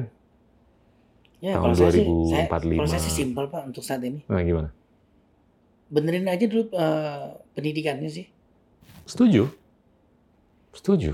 pendidikan tuh masih PR terbesar sih di bangsa ini sih Kalau menurut saya pendidikan kita tuh terlalu banyak social science, kurang empirical science. Yang mau jadi dokter tuh nggak sebanyak yang kita inginkan. Yang mau jadi astrophysicist nggak sebanyak yang kita inginkan. kalau saya ngelihatnya malah lebih Semuanya mau ngobrol politik dong. lebih basic dari itu sih pak kalau menurut saya pak Hmm. kita udah terlalu kejauhan sih saya lebih basic lagi karena saya dulu ngerasain eh, SD di SD negeri SD eh, apa kurikulum negeri kan pak Siap. terus SMP SMA sampai saya jadi dokter terus saya flashback lagi. Dari yang saya pelajari bermanfaat nggak sih sebenarnya? Mostly Iya. nggak.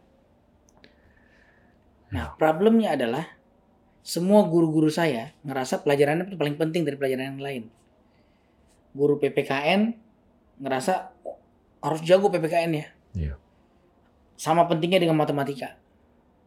Guru olahraga aja begitu. Iya.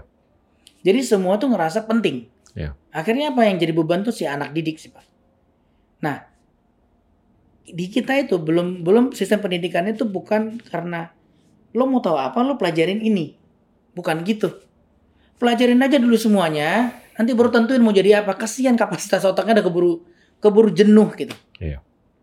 nah itu yang harus dirubah. Nggak gampang memang karena memang eh, akan terkesan kayak customize ya. Iya. tapi kan bisa dibikin pengelompokan kalau bikinnya per individual mah nggak mungkin tapi kalau dengan pengelom approach-nya eh, grup peer group pasti mungkin gitu dan sekarang di international school kan udah diterapin begitu pak di salah satu sekolah yang saya tahu eh, di develop oleh Mbak Najila Shihab misalnya Hmm. di Cikal mereka udah kerjain itu Peer group. Iya, jadi ad- anak itu dikelompokkan sesuai dengan eh, kecenderungan mereka belajar dengan cara apa.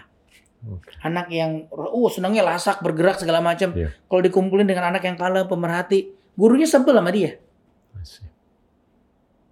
Seolah-olah menjadi anak yang bodoh padahal Iya, iya. itu cara dia belajar. Tapi pengkelompokan kayak begitu, itu agak-agak Darwinian loh. Hmm, enggak sih, anak kan langsung kelihatan, Pak. Kalau anak itu kan anak itu tuh kan bisa seakan-akan secara nggak langsung menyaring kan.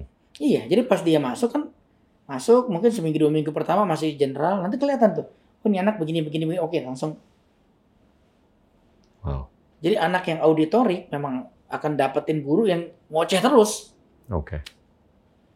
Anak yang memang dia visual, gurunya akan presentasi gambar terus. Oke.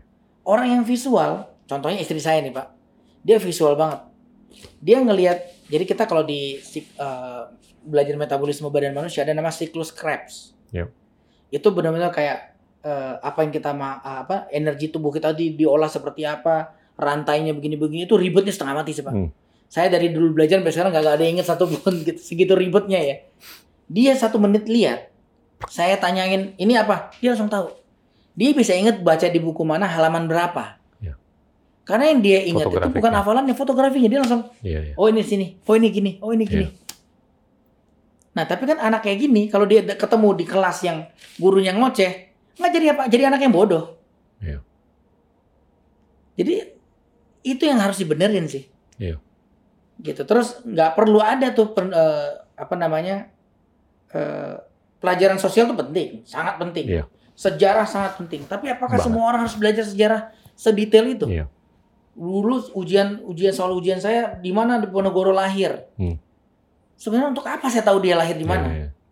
Apa yang dia lakukan? Iya, yang saya perlu tahu adalah di Ponorogo ini adalah orang yang begini nih. Hmm. Ini kontribusi untuk negara. Hmm. Ini cara berpikirnya. Ini yang dia kerjain. Itu penting. Hmm.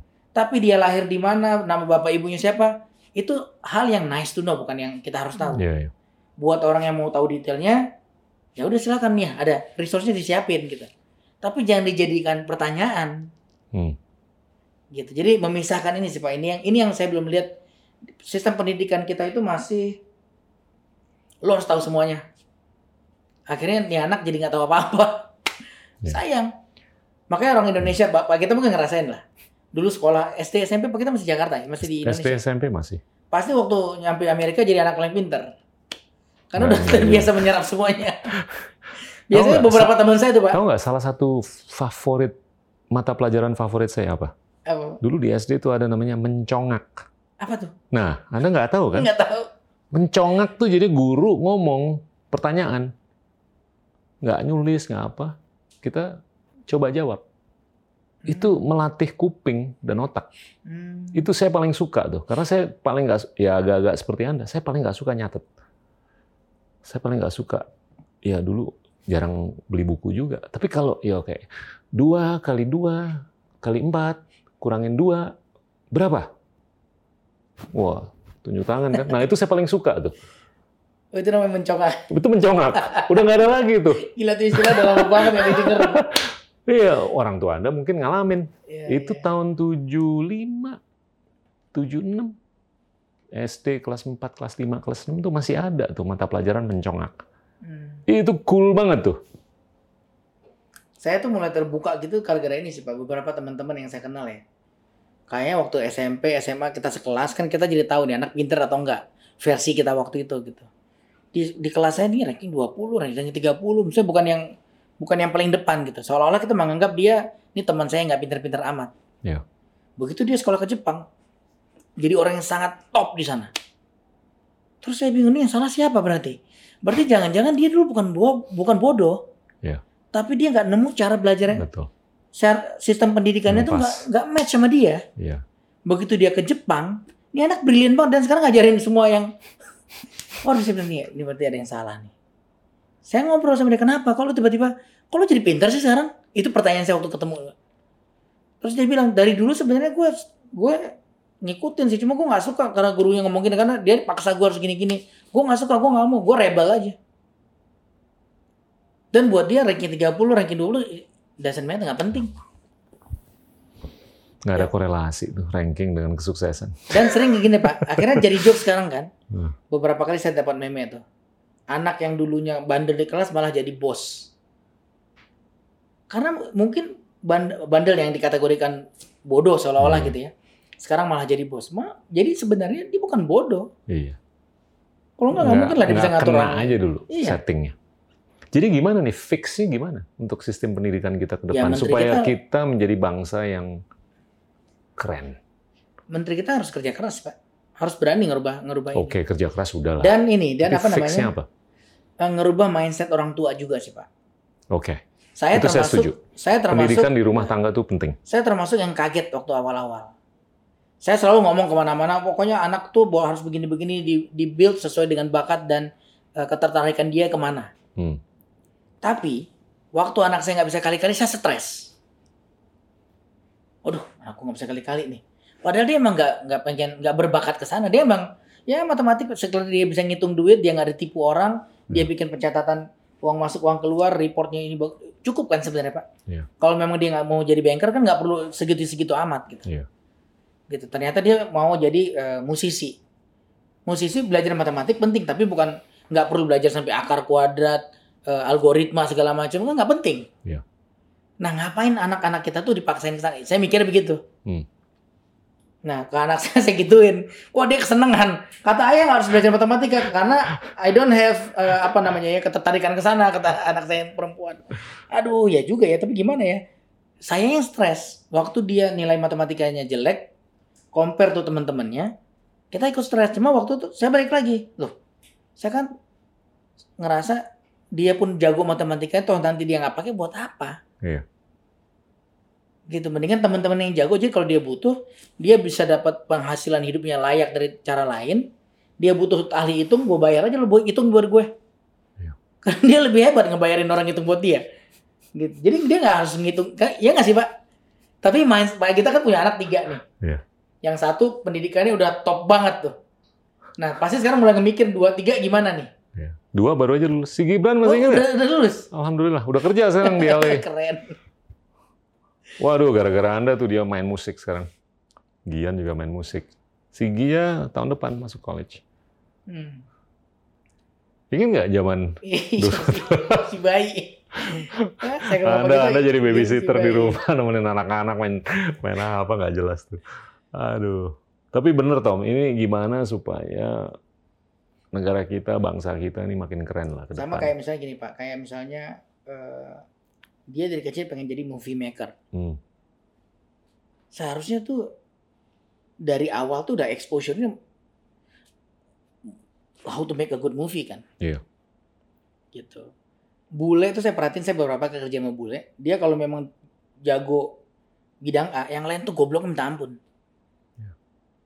Tukang ledengnya mereka tuh jago banget untuk urusan ledeng. Tapi begitu ban sepeda kempes dia bingung mau ngapain. Kira-kira kayak gitulah.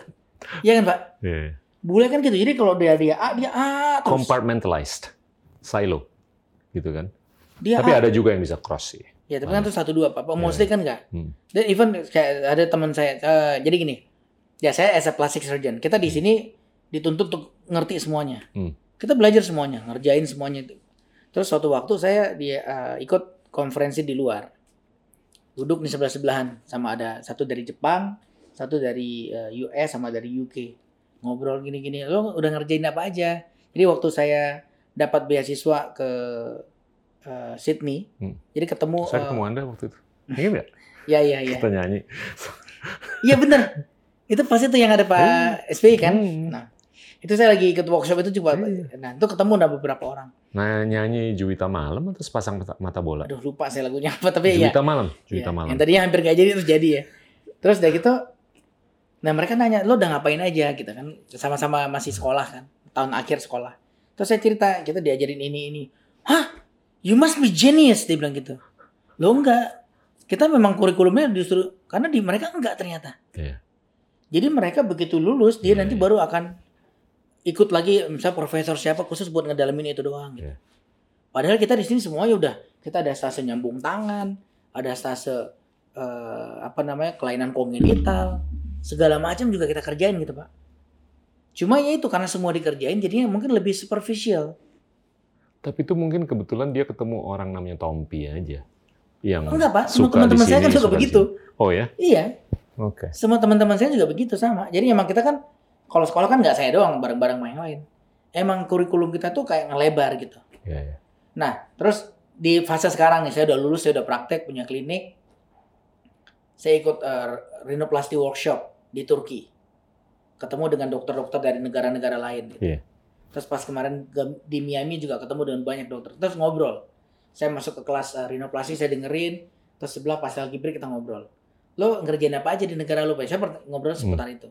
Ya saya cerita saya ngerjain ini, ini, ini. Oh, I thought you're a, a rhino specialist. Ah, saya ngerjain juga, saya masih ngerjain mata, ngerjain breast.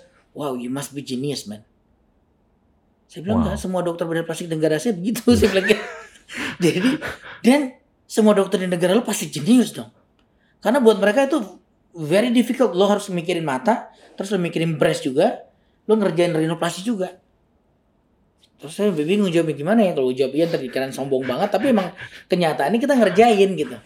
Nah mereka enggak kalau yang ngerjain mata-mata aja. Begitu ada problem tempat lain, oke I'll deliver tuh untuk yang master di sini ya. Kayak gitu. Nah, Curious aja. Yang paling sulit apa sih prosedur? semua sulit pak. Oh ya? Nggak ada prosedur gampang. Semuanya tuh kesulitannya sama. Ya kan beda-beda. Ya, tapi yang paling tinggi kesulitannya apa? Aduh, Kuping, Susah hidung, jawabnya mata. Kalau semuanya sama aja kan semua bisa ngerjain apa yang kita bisa kerjain juga kan. Oke. Sulit sih. Tapi so far kalau di tangan saya yang paling banyak saya kerjain di sini kan yang mungkin belum terlalu familiar banyak adalah eh, rhinoplasty operasi hidung dengan menggunakan tulang rawan iga. Oke. Gitu kita bisa kita udah bisa eh, dengan sayatan satu setengah senti kita ngambil iga sampai 4-5 senti. Jadi sayatannya minimal, iganya dapat banyak dan itu cukup buat merekonstruksi hidung gitu. Tapi yang Anda lakukan tuh sebetulnya editing loh. Iya. Balik ke genetik lagi. Tapi nggak ngerubah ini pak, nggak Hmm. ngerubah hostnya. Debatable. Yang saya lakukan tuh seperti pak kita pakai baju, tinggal saya tambahin selendang dong, that's it. Iya. Tapi Itu selendangnya, edit. Itu Iya, edit. tapi anatomical. Augmentasi. Ya komentasi juga sama, bisa saya kempesin sewaktu-waktu. iya. Tapi Jadi, coba deh Tom. Gennya nggak berubah. Ini ini kita kembangkan konstruksi percakapannya untuk kepentingan Indonesia ke depan. Gimana nih supaya kita keren? Ini nih, Anda kan keren nyanyinya, keren filmnya, keren fotografinya. Ini kalau diproyeksikan keluar, ini bisa memperkaya narasi Indonesia loh. Hmm. Ya kan? Terus Anda juga bisa di ilmu sains, kedokteran. Ya kan? Itu bisa memicu daya tarik orang terhadap sains. Kalau menurut saya, empirical science di Indonesia itu kurang sekali. Iya. Ya kan? Skalanya kurang. Ada sih, tapi dibandingin India, kayak Tiongkok, Jepang, Korea Selatan, Israel, dan Amerika, kurang. Iya. Nah itu gimana supaya Anda bisa berperan? Nah, ini mungkin agak-agak nge-push nih. Temptation Anda untuk membawa bangsa ini ke depan, ke arah yang lebih baik, bisa juga ke koridor politik. Hmm. Gimana tuh Tom? Ngeramu ini semua nih.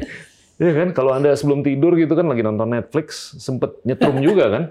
Banget sih pak. Itu dan itu sebenarnya omongan saya selalu sama Glenn sih. Iya. Dan Glenn selalu bilang, Bri, lo harus masuk ke politik deh. Gitu. Saya terus terang hmm, punya ketertarikan untuk masuk ke dunia politik. Iya. Dan sebenarnya periode yang kemarin hampir masuk sih Pak. Hmm. Udah tanda tangan, udah semuanya sih. Udah all, everything is already set up pokoknya. What stopped you? My mom. I see. Tiba-tiba ibu saya eh, nangis-nangis bilang jangan masuk politik tahun ini. Karena begini-begini. Dan untung saya ngikutin sih. Kalau Iya. nggak berantakan kayak sekarang kan. Mothers are always right. Iya. Iya. Percaya sama ibu. magical pokoknya kalau ibu Hmm. tuh magical sih. Hmm. Dari bilang enggak ya udah ya udah saya ngikut tuh nggak bisa di underestimate. Saya ngikut akhirnya ya udahlah dengan kekecewaan ya. Hmm. Sampai berusaha meyakinkan enggak pokoknya gini-gini. Pokoknya beliau sampai bilang ambil nangis-nangis. Pokoknya enggak. Apa pun ceritanya enggak. Kali ini please dengerin mama. Ya udah. Ya udah deh oke deh. Saya telepon eh, partai yang saya sudah okein. Jadi itu waktu itu lucu sih Pak. Ada beberapa partai-partai besar nih yang semuanya eh, ya bagusnya mereka mungkin meng- melihat saya eh, konsisten gitu ya. Siap. Nah mereka eh, Mas Tompi ikut ya gini gini gini semua approach. Saya ketemu satu-satu dengerin gitu. Hmm. Uh, mulai dari yang siap memfunding uh, biaya kampanye sampai yang biaya kampanye harus saya funding sendiri. Hmm.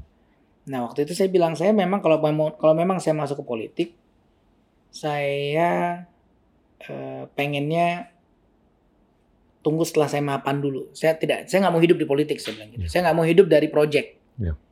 Gitu. Jadi kalau memang saya masuk, ya karena memang saya pengen udah cukup. Saya udah udah I'm done with myself. Hmm. Saya udah punya yang saya butuhin.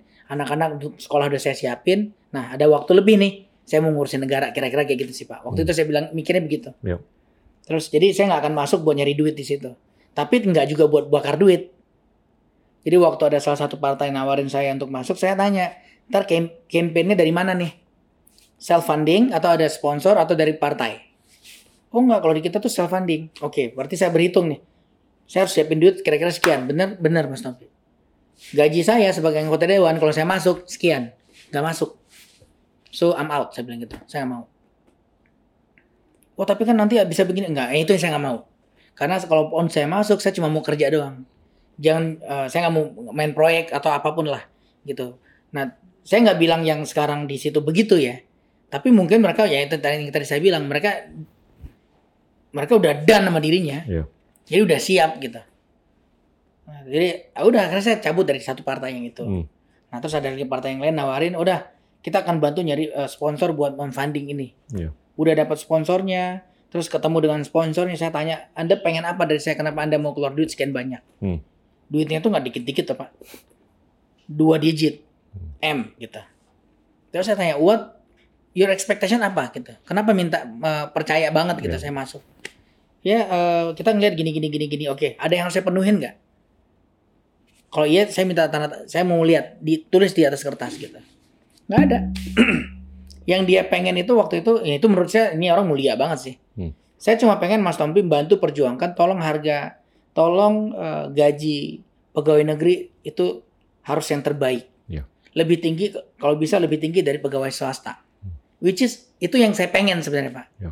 Karena saya ngeliat gini, sekarang sih yang duduk di bangku pegawai negeri, mungkin kalau sekarang sekarang mungkin udah beda ya, udah banyak yang memang pengen gitu. Tapi dulu dulunya rasa rasanya karena dia nggak kebagian di perusahaan yang keren, di perusahaan swasta yang bonafit, Ya. nggak kebagian sana masuk ke pegawai negeri, ya nggak pak? Itu itu fakta yang kita lihat ya. Ya. Nah sekarang kan udah udah mulai banyak orang keren nih, yang memang dari awal pengen masuk di Ya. pegawai negeri gitu, which is which is good. Ya. Itu yang kita mau gitu. Nah maksudnya harusnya pemerintah itu mengstimulasi uh, hal ini dengan cara lo kalau jadi pegawai negeri gaji lo tuh keren loh. Ya. Jadi prestisnya keren, Hmm. gajinya keren, lo bisa hidup layak, lo dapat ini ini. Nah itu yang belum.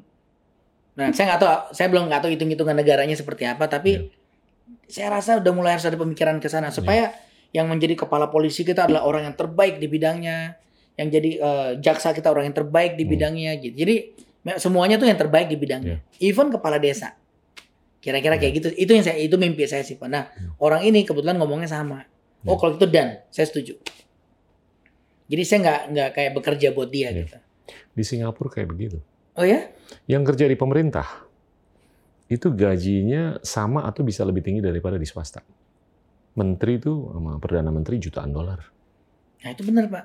Dan kepercayaan dan pemikiran mereka itu adalah yang direkrut di pemerintah itu the best of the best. Hmm. Ya kan? Dan kalaupun dia keluar dari pemerintah, dia bisa terakomodasi di swasta. Dan bahkan mereka dalam apa namanya jenjang karirnya itu mereka disuruh intern di multinasional. Keren ya. Itu udah, gitu udah kayak Pak. begitu. Mungkin nggak sih Indonesia gitu, Pak? Mungkin dong. Itu semuanya ujung-ujungnya kan ke pajak, ke ruang fiskal. Iya. Dan Karena kalau kalau kayak sekarang lihat deh, Pak. Nggak masuk akal gitu. Presiden digaji di- cuma segitu, Hmm. suruh ngurusin negara segini gede, iya, jumlah penduduk yang segitu banyak. Saya nggak masuk akal sih. timpang. Udah gitu gimana caranya membuat orang tuh tidak tergoda? Karena gini, Mak, harfiahnya manusia itu kan penuh dengan godaan, Pak. Iya. Pak Gita sekarang sebagai Menteri Perdagangan gitu, tiba-tiba datang company dari mana-mana mau project yang perdagangan yang harganya miliaran miliaran dolar. Hmm. Terus Pak Gita cuma digaji sekian puluh juta sebagai menteri. Menteri 18 Waktu juta. tanda tangan apa kagak gemeter tuh tangannya sialan lo yang dapat gue nggak dapat apa-apa kan gitu kan Iya, iya. gitu akhirnya apa orang orang yang di posisi posisi-posisi penting ya nggak heran banyak yang tergelincir kalau yang nggak Hmm. kuat, yang pegangan yang nggak kuat gitu, nggak punya backup di belakang kan. Iya. Jadi harusnya memang yang duduk di situ udah lo bisnisnya miliaran dolar, gua tuh bisa bikin segini juga, kira-kira kan harus gitu. Iya. Penting untuk ada adanya financial independence. Tapi gini loh Tom, Anda kayaknya bakal tergoda lagi nih. Iya kan? Untuk, Enggak, karena duh jadi aus ya pak, untuk apa itu? itu kalau menurut saya keputusan kemarin tuh hanya masalah waktu kan, bukan masalah prinsip, ya kan? Dan bisa jadi nanti di waktu lain Anda mungkin ngeliat kayaknya timingnya udah oke. Nah itu saya ngelihat, saya bukan mau ngejerumusin ya, tapi saya mau bertanya aja, apa pun yang Anda lakukan ke depan, Anda tuh punya arsenal kekuatan-kekuatan, ya kan, yang bisa memproyeksikan soft power Indonesia dan scientific power. Itu gimana untuk bisa memajukan bangsa dengan skala yang diinginkan oleh masyarakat luas. Gimana tuh caranya? Ya paling gampang Anda konser di London, di New York, di Tokyo, ya kan? Yang datang 50 ribu orang, 20 ribu orang, gitu kan? Nama Indonesia harum kan? Tapi memang Atau Anda bikin film, menang, ngalahin Parasite di Oscar. Amin. tapi tapi memang sih Pak, yang sederhana, Atau jadi pemimpin. hal sederhana yang saya lihat ya, maksudnya ya ini mungkin ya ini lebih ke mensyukuri sebenarnya sih. Hmm. Eh, saya as a plastic surgeon gitu, terus diundang eh, eh, keluar jadi pembicara. Hmm. Terus karena teman saya itu eh, tahu, oh, lo kan penyanyi kan? Iya. Eh, lo nyanyi dong, tapi mereka mikirnya tadinya cuma ah pasti paling, paling penyanyi iseng sama kayak mereka hobi nyanyi gitu. Kaget. Terus saya nyanyi nih akhirnya. Habis saya nyanyi, mereka langsung bingung. Lo, you, lo kedengeran profesional banget katanya. Terus saya bilang, iya, gue emang profesional, memang nyanyi sebagai pro- kerjaan, saya bilang gitu. Terus eh, mereka akhirnya browsing.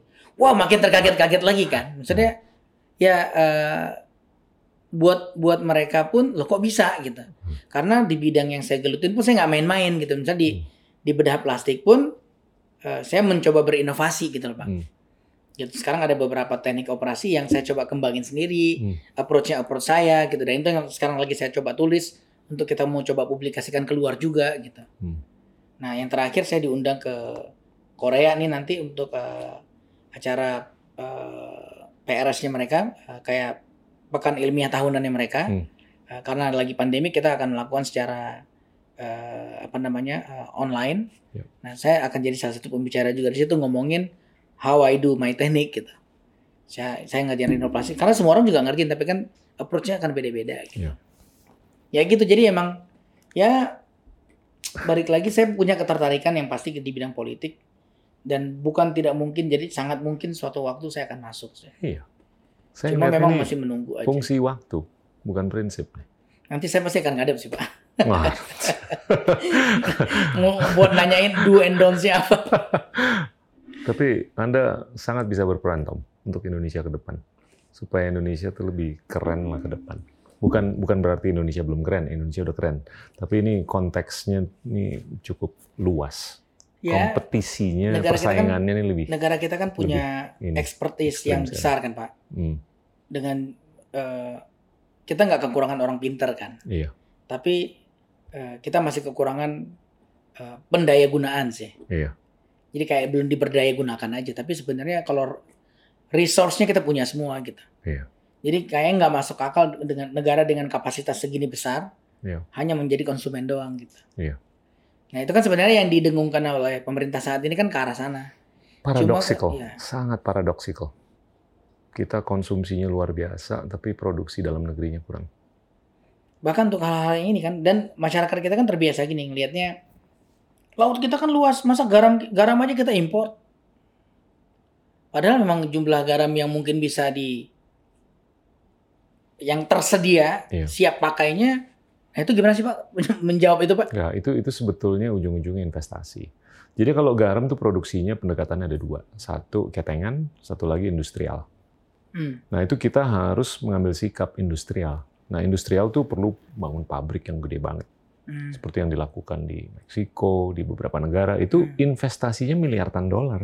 Hmm. Ini udah dibahas dari kapan-kapan dan lokasi yang mana raw materialnya itu banyak. Itu banyak sekali di Indonesia bagian timur, termasuk hmm. di Madura juga. Hmm. Hmm.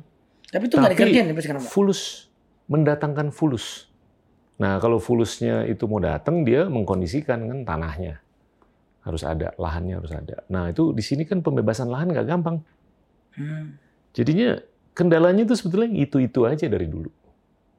Tapi kalau menurut saya ujung-ujungnya gimana Indonesia tuh bisa mendatangkan devisa modal. Hmm. Ya, saya kan sering sering ngobrol lah mengenai ini. Liquidity atau modal itu penting untuk menggerakkan ekonomi supaya kita bisa lebih keren kan. Duit di dalam negeri itu terbatas. Mau nggak mau kita harus mendatangkan duit dari luar negeri. Hmm. Dan duit dalam dalam negeri di dalam negeri ini keterbatasannya bukan dari swasta aja duitnya yang terbatas, tapi Perbankan itu juga kalau kita lihat pertumbuhan kredit kan tahun lalu cuma 6 persen. Hmm. Tahun ini pertumbuhan kredit cuma mungkin 2 persen maksimum. Nah itu cermin dari keterbatasan duit yang ada di dalam negeri. Mau nggak mau kita harus mendatangkan dari luar. Nah ini ngomong kredit nih Pak, ini jadi saya yang pengen naik ke kita nih. Saya selalu penasaran dengan kenapa sih angka kredit kita itu di sini bunganya tuh sangat tinggi Pak. Ya. Di luar negeri, Singapura saya dengar cuma satu dua persen doang. Ya. Amerika juga koma. kecil. Di Jepang, Amerika di bawah satu. Jepang malah investasi bisa minus. nol. Minus. Nah Eropa di kita minus. di kita gimana tuh Pak? Kok bisa saya Har ngambil KPR bunganya bisa 8% di awal terus tiba-tiba naik 11% nggak ngasih tahu lagi. Ini semua tergantung resiko atau premi resiko. Ya kan? Nah, Enggak, maksudnya kenapa nggak negara kita itu kan kalau negara lain bisa menerapkan gitu apa nggak serta merta kita juga bisa Ya udah kita bunga kita juga 2%. Idealnya ke sana. Tapi ujung-ujungnya jadi kalau duit yang masuk itu kan namanya dolar kebanyakan. Hmm. Kalau dolar mau ditukar ke rupiah, ada selisihnya. Bukan selisih aja, itu ada cost-nya yang harus dibayar. Hmm. Ya kan? Dan cost itu menjadi salah satu dari beberapa variabel yang dipertimbangkan. Nah, suku bunga itu cermin itu kan suku bunga itu adalah cost dari supply untuk money sama demand untuk money kan. Hmm. Interseksi antara supply dan demand itu adalah price of money yaitu cost atau interest rate atau suku bunga. Nah, itu cermin dari beberapa variabel termasuk resiko yang harus dipikul. Hmm. Nah, risiko negara kita itu tergantung peringkat. Peringkat kita tuh baru triple B kan, investment grade. Sedangkan di Singapura itu double A atau triple A. Hmm. Nah, semakin ke A atau apalagi A-nya makin banyak, itu resikonya makin kecil. Sehingga preminya makin kecil, ya suku bunganya makin kecil. Nah, kalau hmm. kita masih triple B, ya orang tuh kalau mau naruh duit di sini ya mikir dua kali karena premi resikonya lebih tinggi dibanding ke Singapura. Nah, itu mempengaruhi biaya supply and demand duit. Jadinya kalau Anda mau suku bunga kita rendah, peringkat negara kita tuh harus membaik. Dari hmm. triple B kan menjadi single A. Tapi dari triple B kita harus triple B plus. Dari triple B plus kita ke single A minus baru. Nah itu semakin resikonya turun, semakin cost of money-nya turun, semakin suku bunga turun. Ya sabar aja Tom. Semakin semakin semakin banyak Cicilannya kepastian semakin nih, Tapi Tom masih ingat nggak tahun 98? Yeah. Bunga tuh 60-70 persen. Hah? Anda lupa masa? Bunga, eh, saya belum pernah minjem Pak zaman gitu. Eh, saya udah jadi bankir waktu itu. 60 persen? Inflasi 60-an persen. Suku bunga 60 oh, sampai yang gara-gara 98 itu. Iya. Dan itu berkurangnya tuh menurunnya juga inkrementalis. Nggak begitu. Hmm. Tapi ini luar biasa dalam 22 tahun suku bunga udah turun. Sekarang kan SBI udah 4,25 persen atau 4 persen. Dulu SBI pernah puluhan persen. Hmm. SBI itu suku bunga di Bank Indonesia. Yeah, yeah, yeah. Nah itu kalau menurut saya udah udah jauh lebih baik daripada 20 tahun yang lalu. Saya sih mempredik 5-10 tahun ke depan itu kita udah rendah sekali suku bunga. Jadi cicilan akan turun, syukur-syukur udah lunas. Udah lunas itu harus. Tom, saya mau nanya beberapa rapid fire lah. Biasanya kan kalau di sesi-sesi yang lain saya nanya mengenai konsep yang dianggap seperti saham beli atau enggak kan. Saya mau nanya kombinasi deh. antara hal-hal seperti itu dengan yang lain. Anda ngelihat perannya robot ke depan dibanding manusia gimana? Wah, akan mendominasi sih, Pak. Hmm. Robot akan mendominasi. Tapi memang robot yang nggak akan pernah bisa menggantikan manusia sih. Oke. Tapi untuk pekerjaan-pekerjaan yang sifatnya no-brainer, Ya. yang nggak perlu adjustment eh, perasaan terutama, harusnya eh, akan lebih menguntungkan menggunakan robot sih.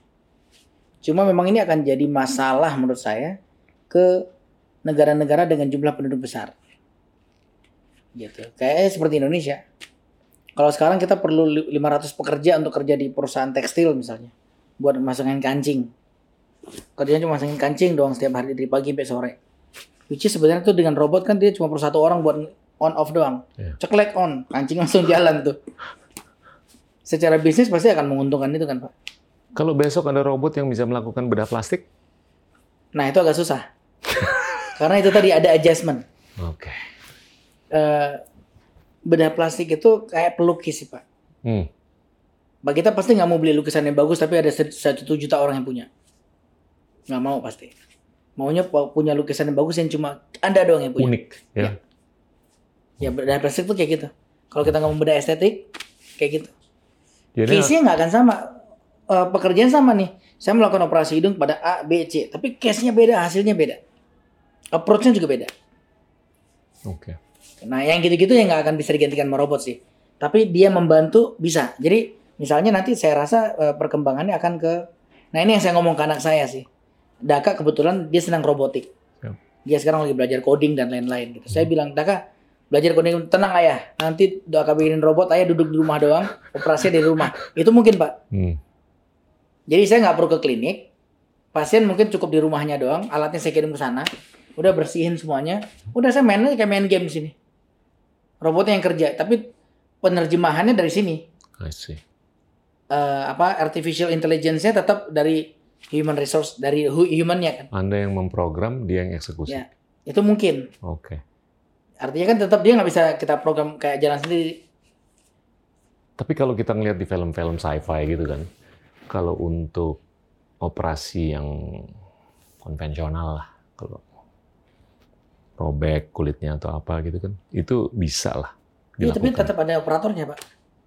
Nggak, Oh, iya? nggak, Nggak bisa di scan gitu tek, pakai ya, robot. Menunya menunya belum tek. menu eh, apa namanya? Operasi jantung, click on. Langsung set, gitu. zut, zut, zut, zut, zut, zut, gitu zut, ya? zut, tutup nggak nggak gitu belum Harus gitu ada sih. orang di belakang. Ya. Oke. Tetap ada orang yang mikirnya kalau begini karena dia cuma motong dia nggak mikir kalau dia motong Hmm. ini muncrat nih harus ke mana nih. Yang lebih terdisrupsi justru profesi perawat atau asisten dokter, Ya, bukan dokternya ya. iya. Hmm.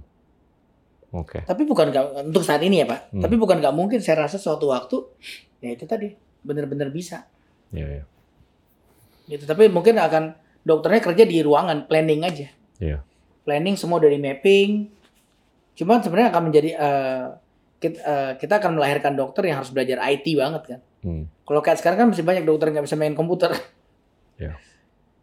Oke, yang berikutnya presiden yang perempuan di Indonesia sebelum tahun 2045. Saya rasa ya. Berapa? Ada lima siklus lagi kan? Dari lima siklus ini berapa yang bisa jadi? Satu. Satu. Oke.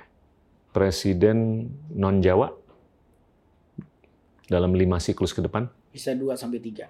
Oke. Oke. Karena saya ngelihat eh, orang saat ini sudah mulai untuk tidak melihat Suku, eh, suku. etnis. Ya. Setuju. Karena itu eh, informasinya udah udah kan generasi generasinya Pak Gita mungkin masih. Ya. Generasi saya, Banyak sih yang mikirnya kayak begitu. generasi saya udah mulai terdilusi nih. Ya. Tapi yang anak-anak saya udah nggak sama sekali. Iya. They don't even care, Pak. Iya. Jadi mereka kalau berteman nggak nanya lu dari mana nggak. Iya. Benar. Mereka nanya lu senangnya apa. Iya. Bisa main Minecraft nggak? Nah, itu jadi teman deh. Yang nggak main Minecraft nggak jadi teman. Oke. Indonesia udah menang berapa Oscar atau Grammy sebelum tahun 2045? Wah itu Come on. harus aspiratif dikit dong. Eh, karena kita ket- ketertinggalan emang jauh sih pak. Pasti, tapi harus you shoot Iya. for the stars, man. Ya mungkin less than 5 case, That's damn good. less than 5. Masing-masing. Grammy less Iya. than five, Oscar less No, than no, five. both, for both. Oh ya? Ya mungkin ada satu dua lah di itu, tapi ya I don't think so. Gimana supaya Karena bisa per- 10? Karena permasalahan gini Pak, permasalahannya itu kan kerja kolektif. Hmm. Eh, satu orang bagus tapi sistemnya nggak bagus nggak jadi juga. Dan permasalahan waktunya kan nggak berhenti. Kita kejar yang ketertinggalan kita. Orang yang udah di sini juga ngejar lebih maju lagi. Jadi kita Iya. Nggak mungkin kita begini nih, nggak mungkin. Hollywood itu udah bisa bikin film tanpa ada pemainnya. Kita yang masih ada pemainnya aja masih ngaco. Ini balik ke percakapan kita yang tadi, Tom. Gimana kita bisa merekayasa atau memberdayakan teknologi, artificial intelligence, genetic recoding, dan segalanya. Iya, unless unless negara kita jadi penemu itu sih Pak mungkin. Nggak Jadi, usah jadi penemu, Ada tapi ada pengguna, besar. Iya, iya, pengguna teknologi orang lain. Ya, ya pokoknya begitu itu udah ada ya mungkin bisa dikerjakan, tapi ya ya itu tadi. Playing God. itu agak susah sih. Cuma ya ya pelan-pelan kita mungkin akan bisa mengejar tapi enggak ya dengan lompatan besar sih.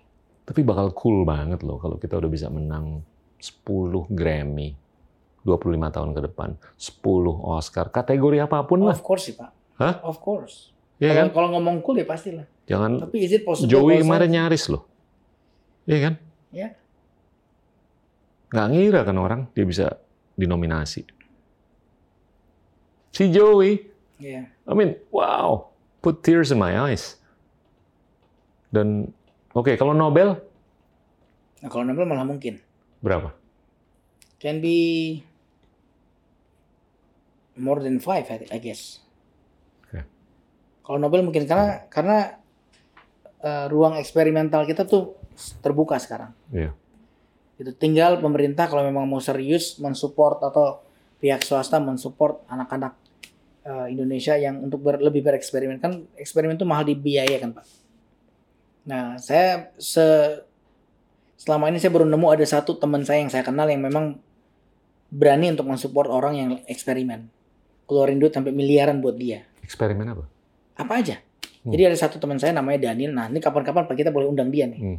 Dia eh, anak Indonesia kuliah di luar. Tadinya mau masuk eh, eh, seni rupa, terus Hmm. sama bapaknya karena jangan deh bisnis, belajar bisnis gitu. Sekarang dia salah satu pernah apa namanya pengusaha tambang di Kalimantan. Oke. Eh, mimpi dia adalah eh, memberdayakan temuan-temuan lokal yang menurut dia potensial banget. Wow. Nah, saya berapa kali ketemu sama dia, dia liatin nih. Tom, gue ketemu orang ini. Dia bisa bikin begini. Saya terkaget-kaget loh, Pak. Amazing. Apa aja contohnya temuannya? Pak, kita eh, di Singapura kan ada tuh, Pak, yang bola-bola yang naik turun-naik turun gitu. Hah? Nah, ini orang bisa bikin program jauh lebih ribet daripada itu. Gila, saya lihat anjir, gila, keren banget nih. Anak Kalimantan atau yang bikin? Enggak, dia, dia anak eh, dia kerja di salah satu perusahaan IT. Dia dikerja di IT di entah Telkom atau apa gitu. Hmm. Itu cuma jadi pekerja biasa. Karena itu memang nggak punya ruang buat begituan. Hmm. Nah, somehow ketemu sama teman saya ini sekarang dikasih dibikinin perusahaan lo, ya udah lo bikin ini. Nanti kita jual. Wow. Pak kita harus ketemu sih sama Boleh, Daniel. boleh, boleh. Ntar saya kenalin deh. Dan saya ngelihat nih digitalisasi ini gila loh ke depan.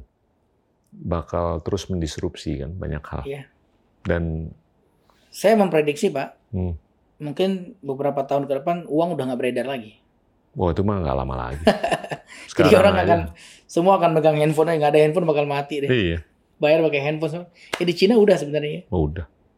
Saya waktu tahun lalu ke sana kan mau bayar pakai apa? currency, ditolak. Terus kebetulan teman saya dia punya WePay, pakai WePay, ceklek Iya. QR. Saya tanya kenapa lu nggak mau nerima? Ya lebih gampang rekonsiliasinya nanti kalau udah closing, kalau udah tutup. Semua udah, Udah, udah, udah jadi Digital. data ya. ya kan? Udah itu jadi itu mah nggak lama lagi lah orang bakal cashless dan dan ini yang ini yang harus diwaspadai ya bakal banyak industri atau profesi yang terdisrupsi. terdisrupsi. Hmm. Nah, ini kita harus siap karena dampak sosialnya ini banyak. Iya. Yang pasti dampak ekonomi. Nah, ini hitung-hitungannya kan sejauh mana orang yang terdisrupsi itu bisa melakukan reskilling atau upskilling. Iya. Tapi sekarang gini loh, kalau tiba-tiba besok ada mobil yang bisa jalan sendiri, nggak pakai supir, supir yang terdisrupsi, dia nggak bisa melakukan coding. Iya. ya kan? Suruh ngelas juga nggak bisa. Gimana? Iya sih. Dan, dan di Indonesia ini ada 130 juta orang yang kerja. Kalau dalam 5-10 tahun ke depan ini disrupsi digital ini semakin banyak, semakin frequent, semakin apa pun lah.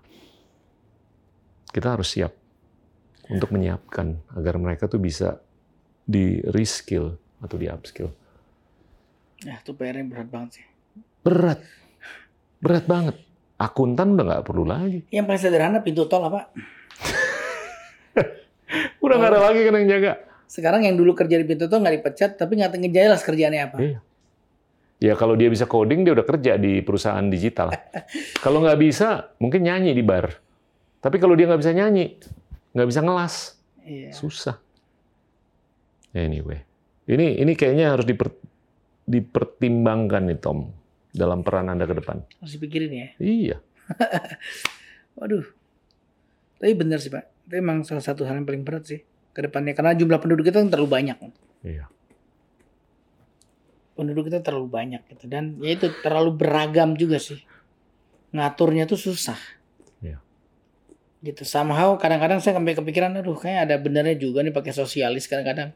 Udah pokoknya begini ya. Kan enak juga tuh kayak Korea Utara tuh. Pokoknya begini, nurut. Jadi selama ini yang nyuruh begininya benar kan jadi benar gitu. Tapi kan Wah, ya nggak bisa begitu ya. bisa panjang nih ngobrolnya. Tapi Pak Gita setuju nggak dengan itu?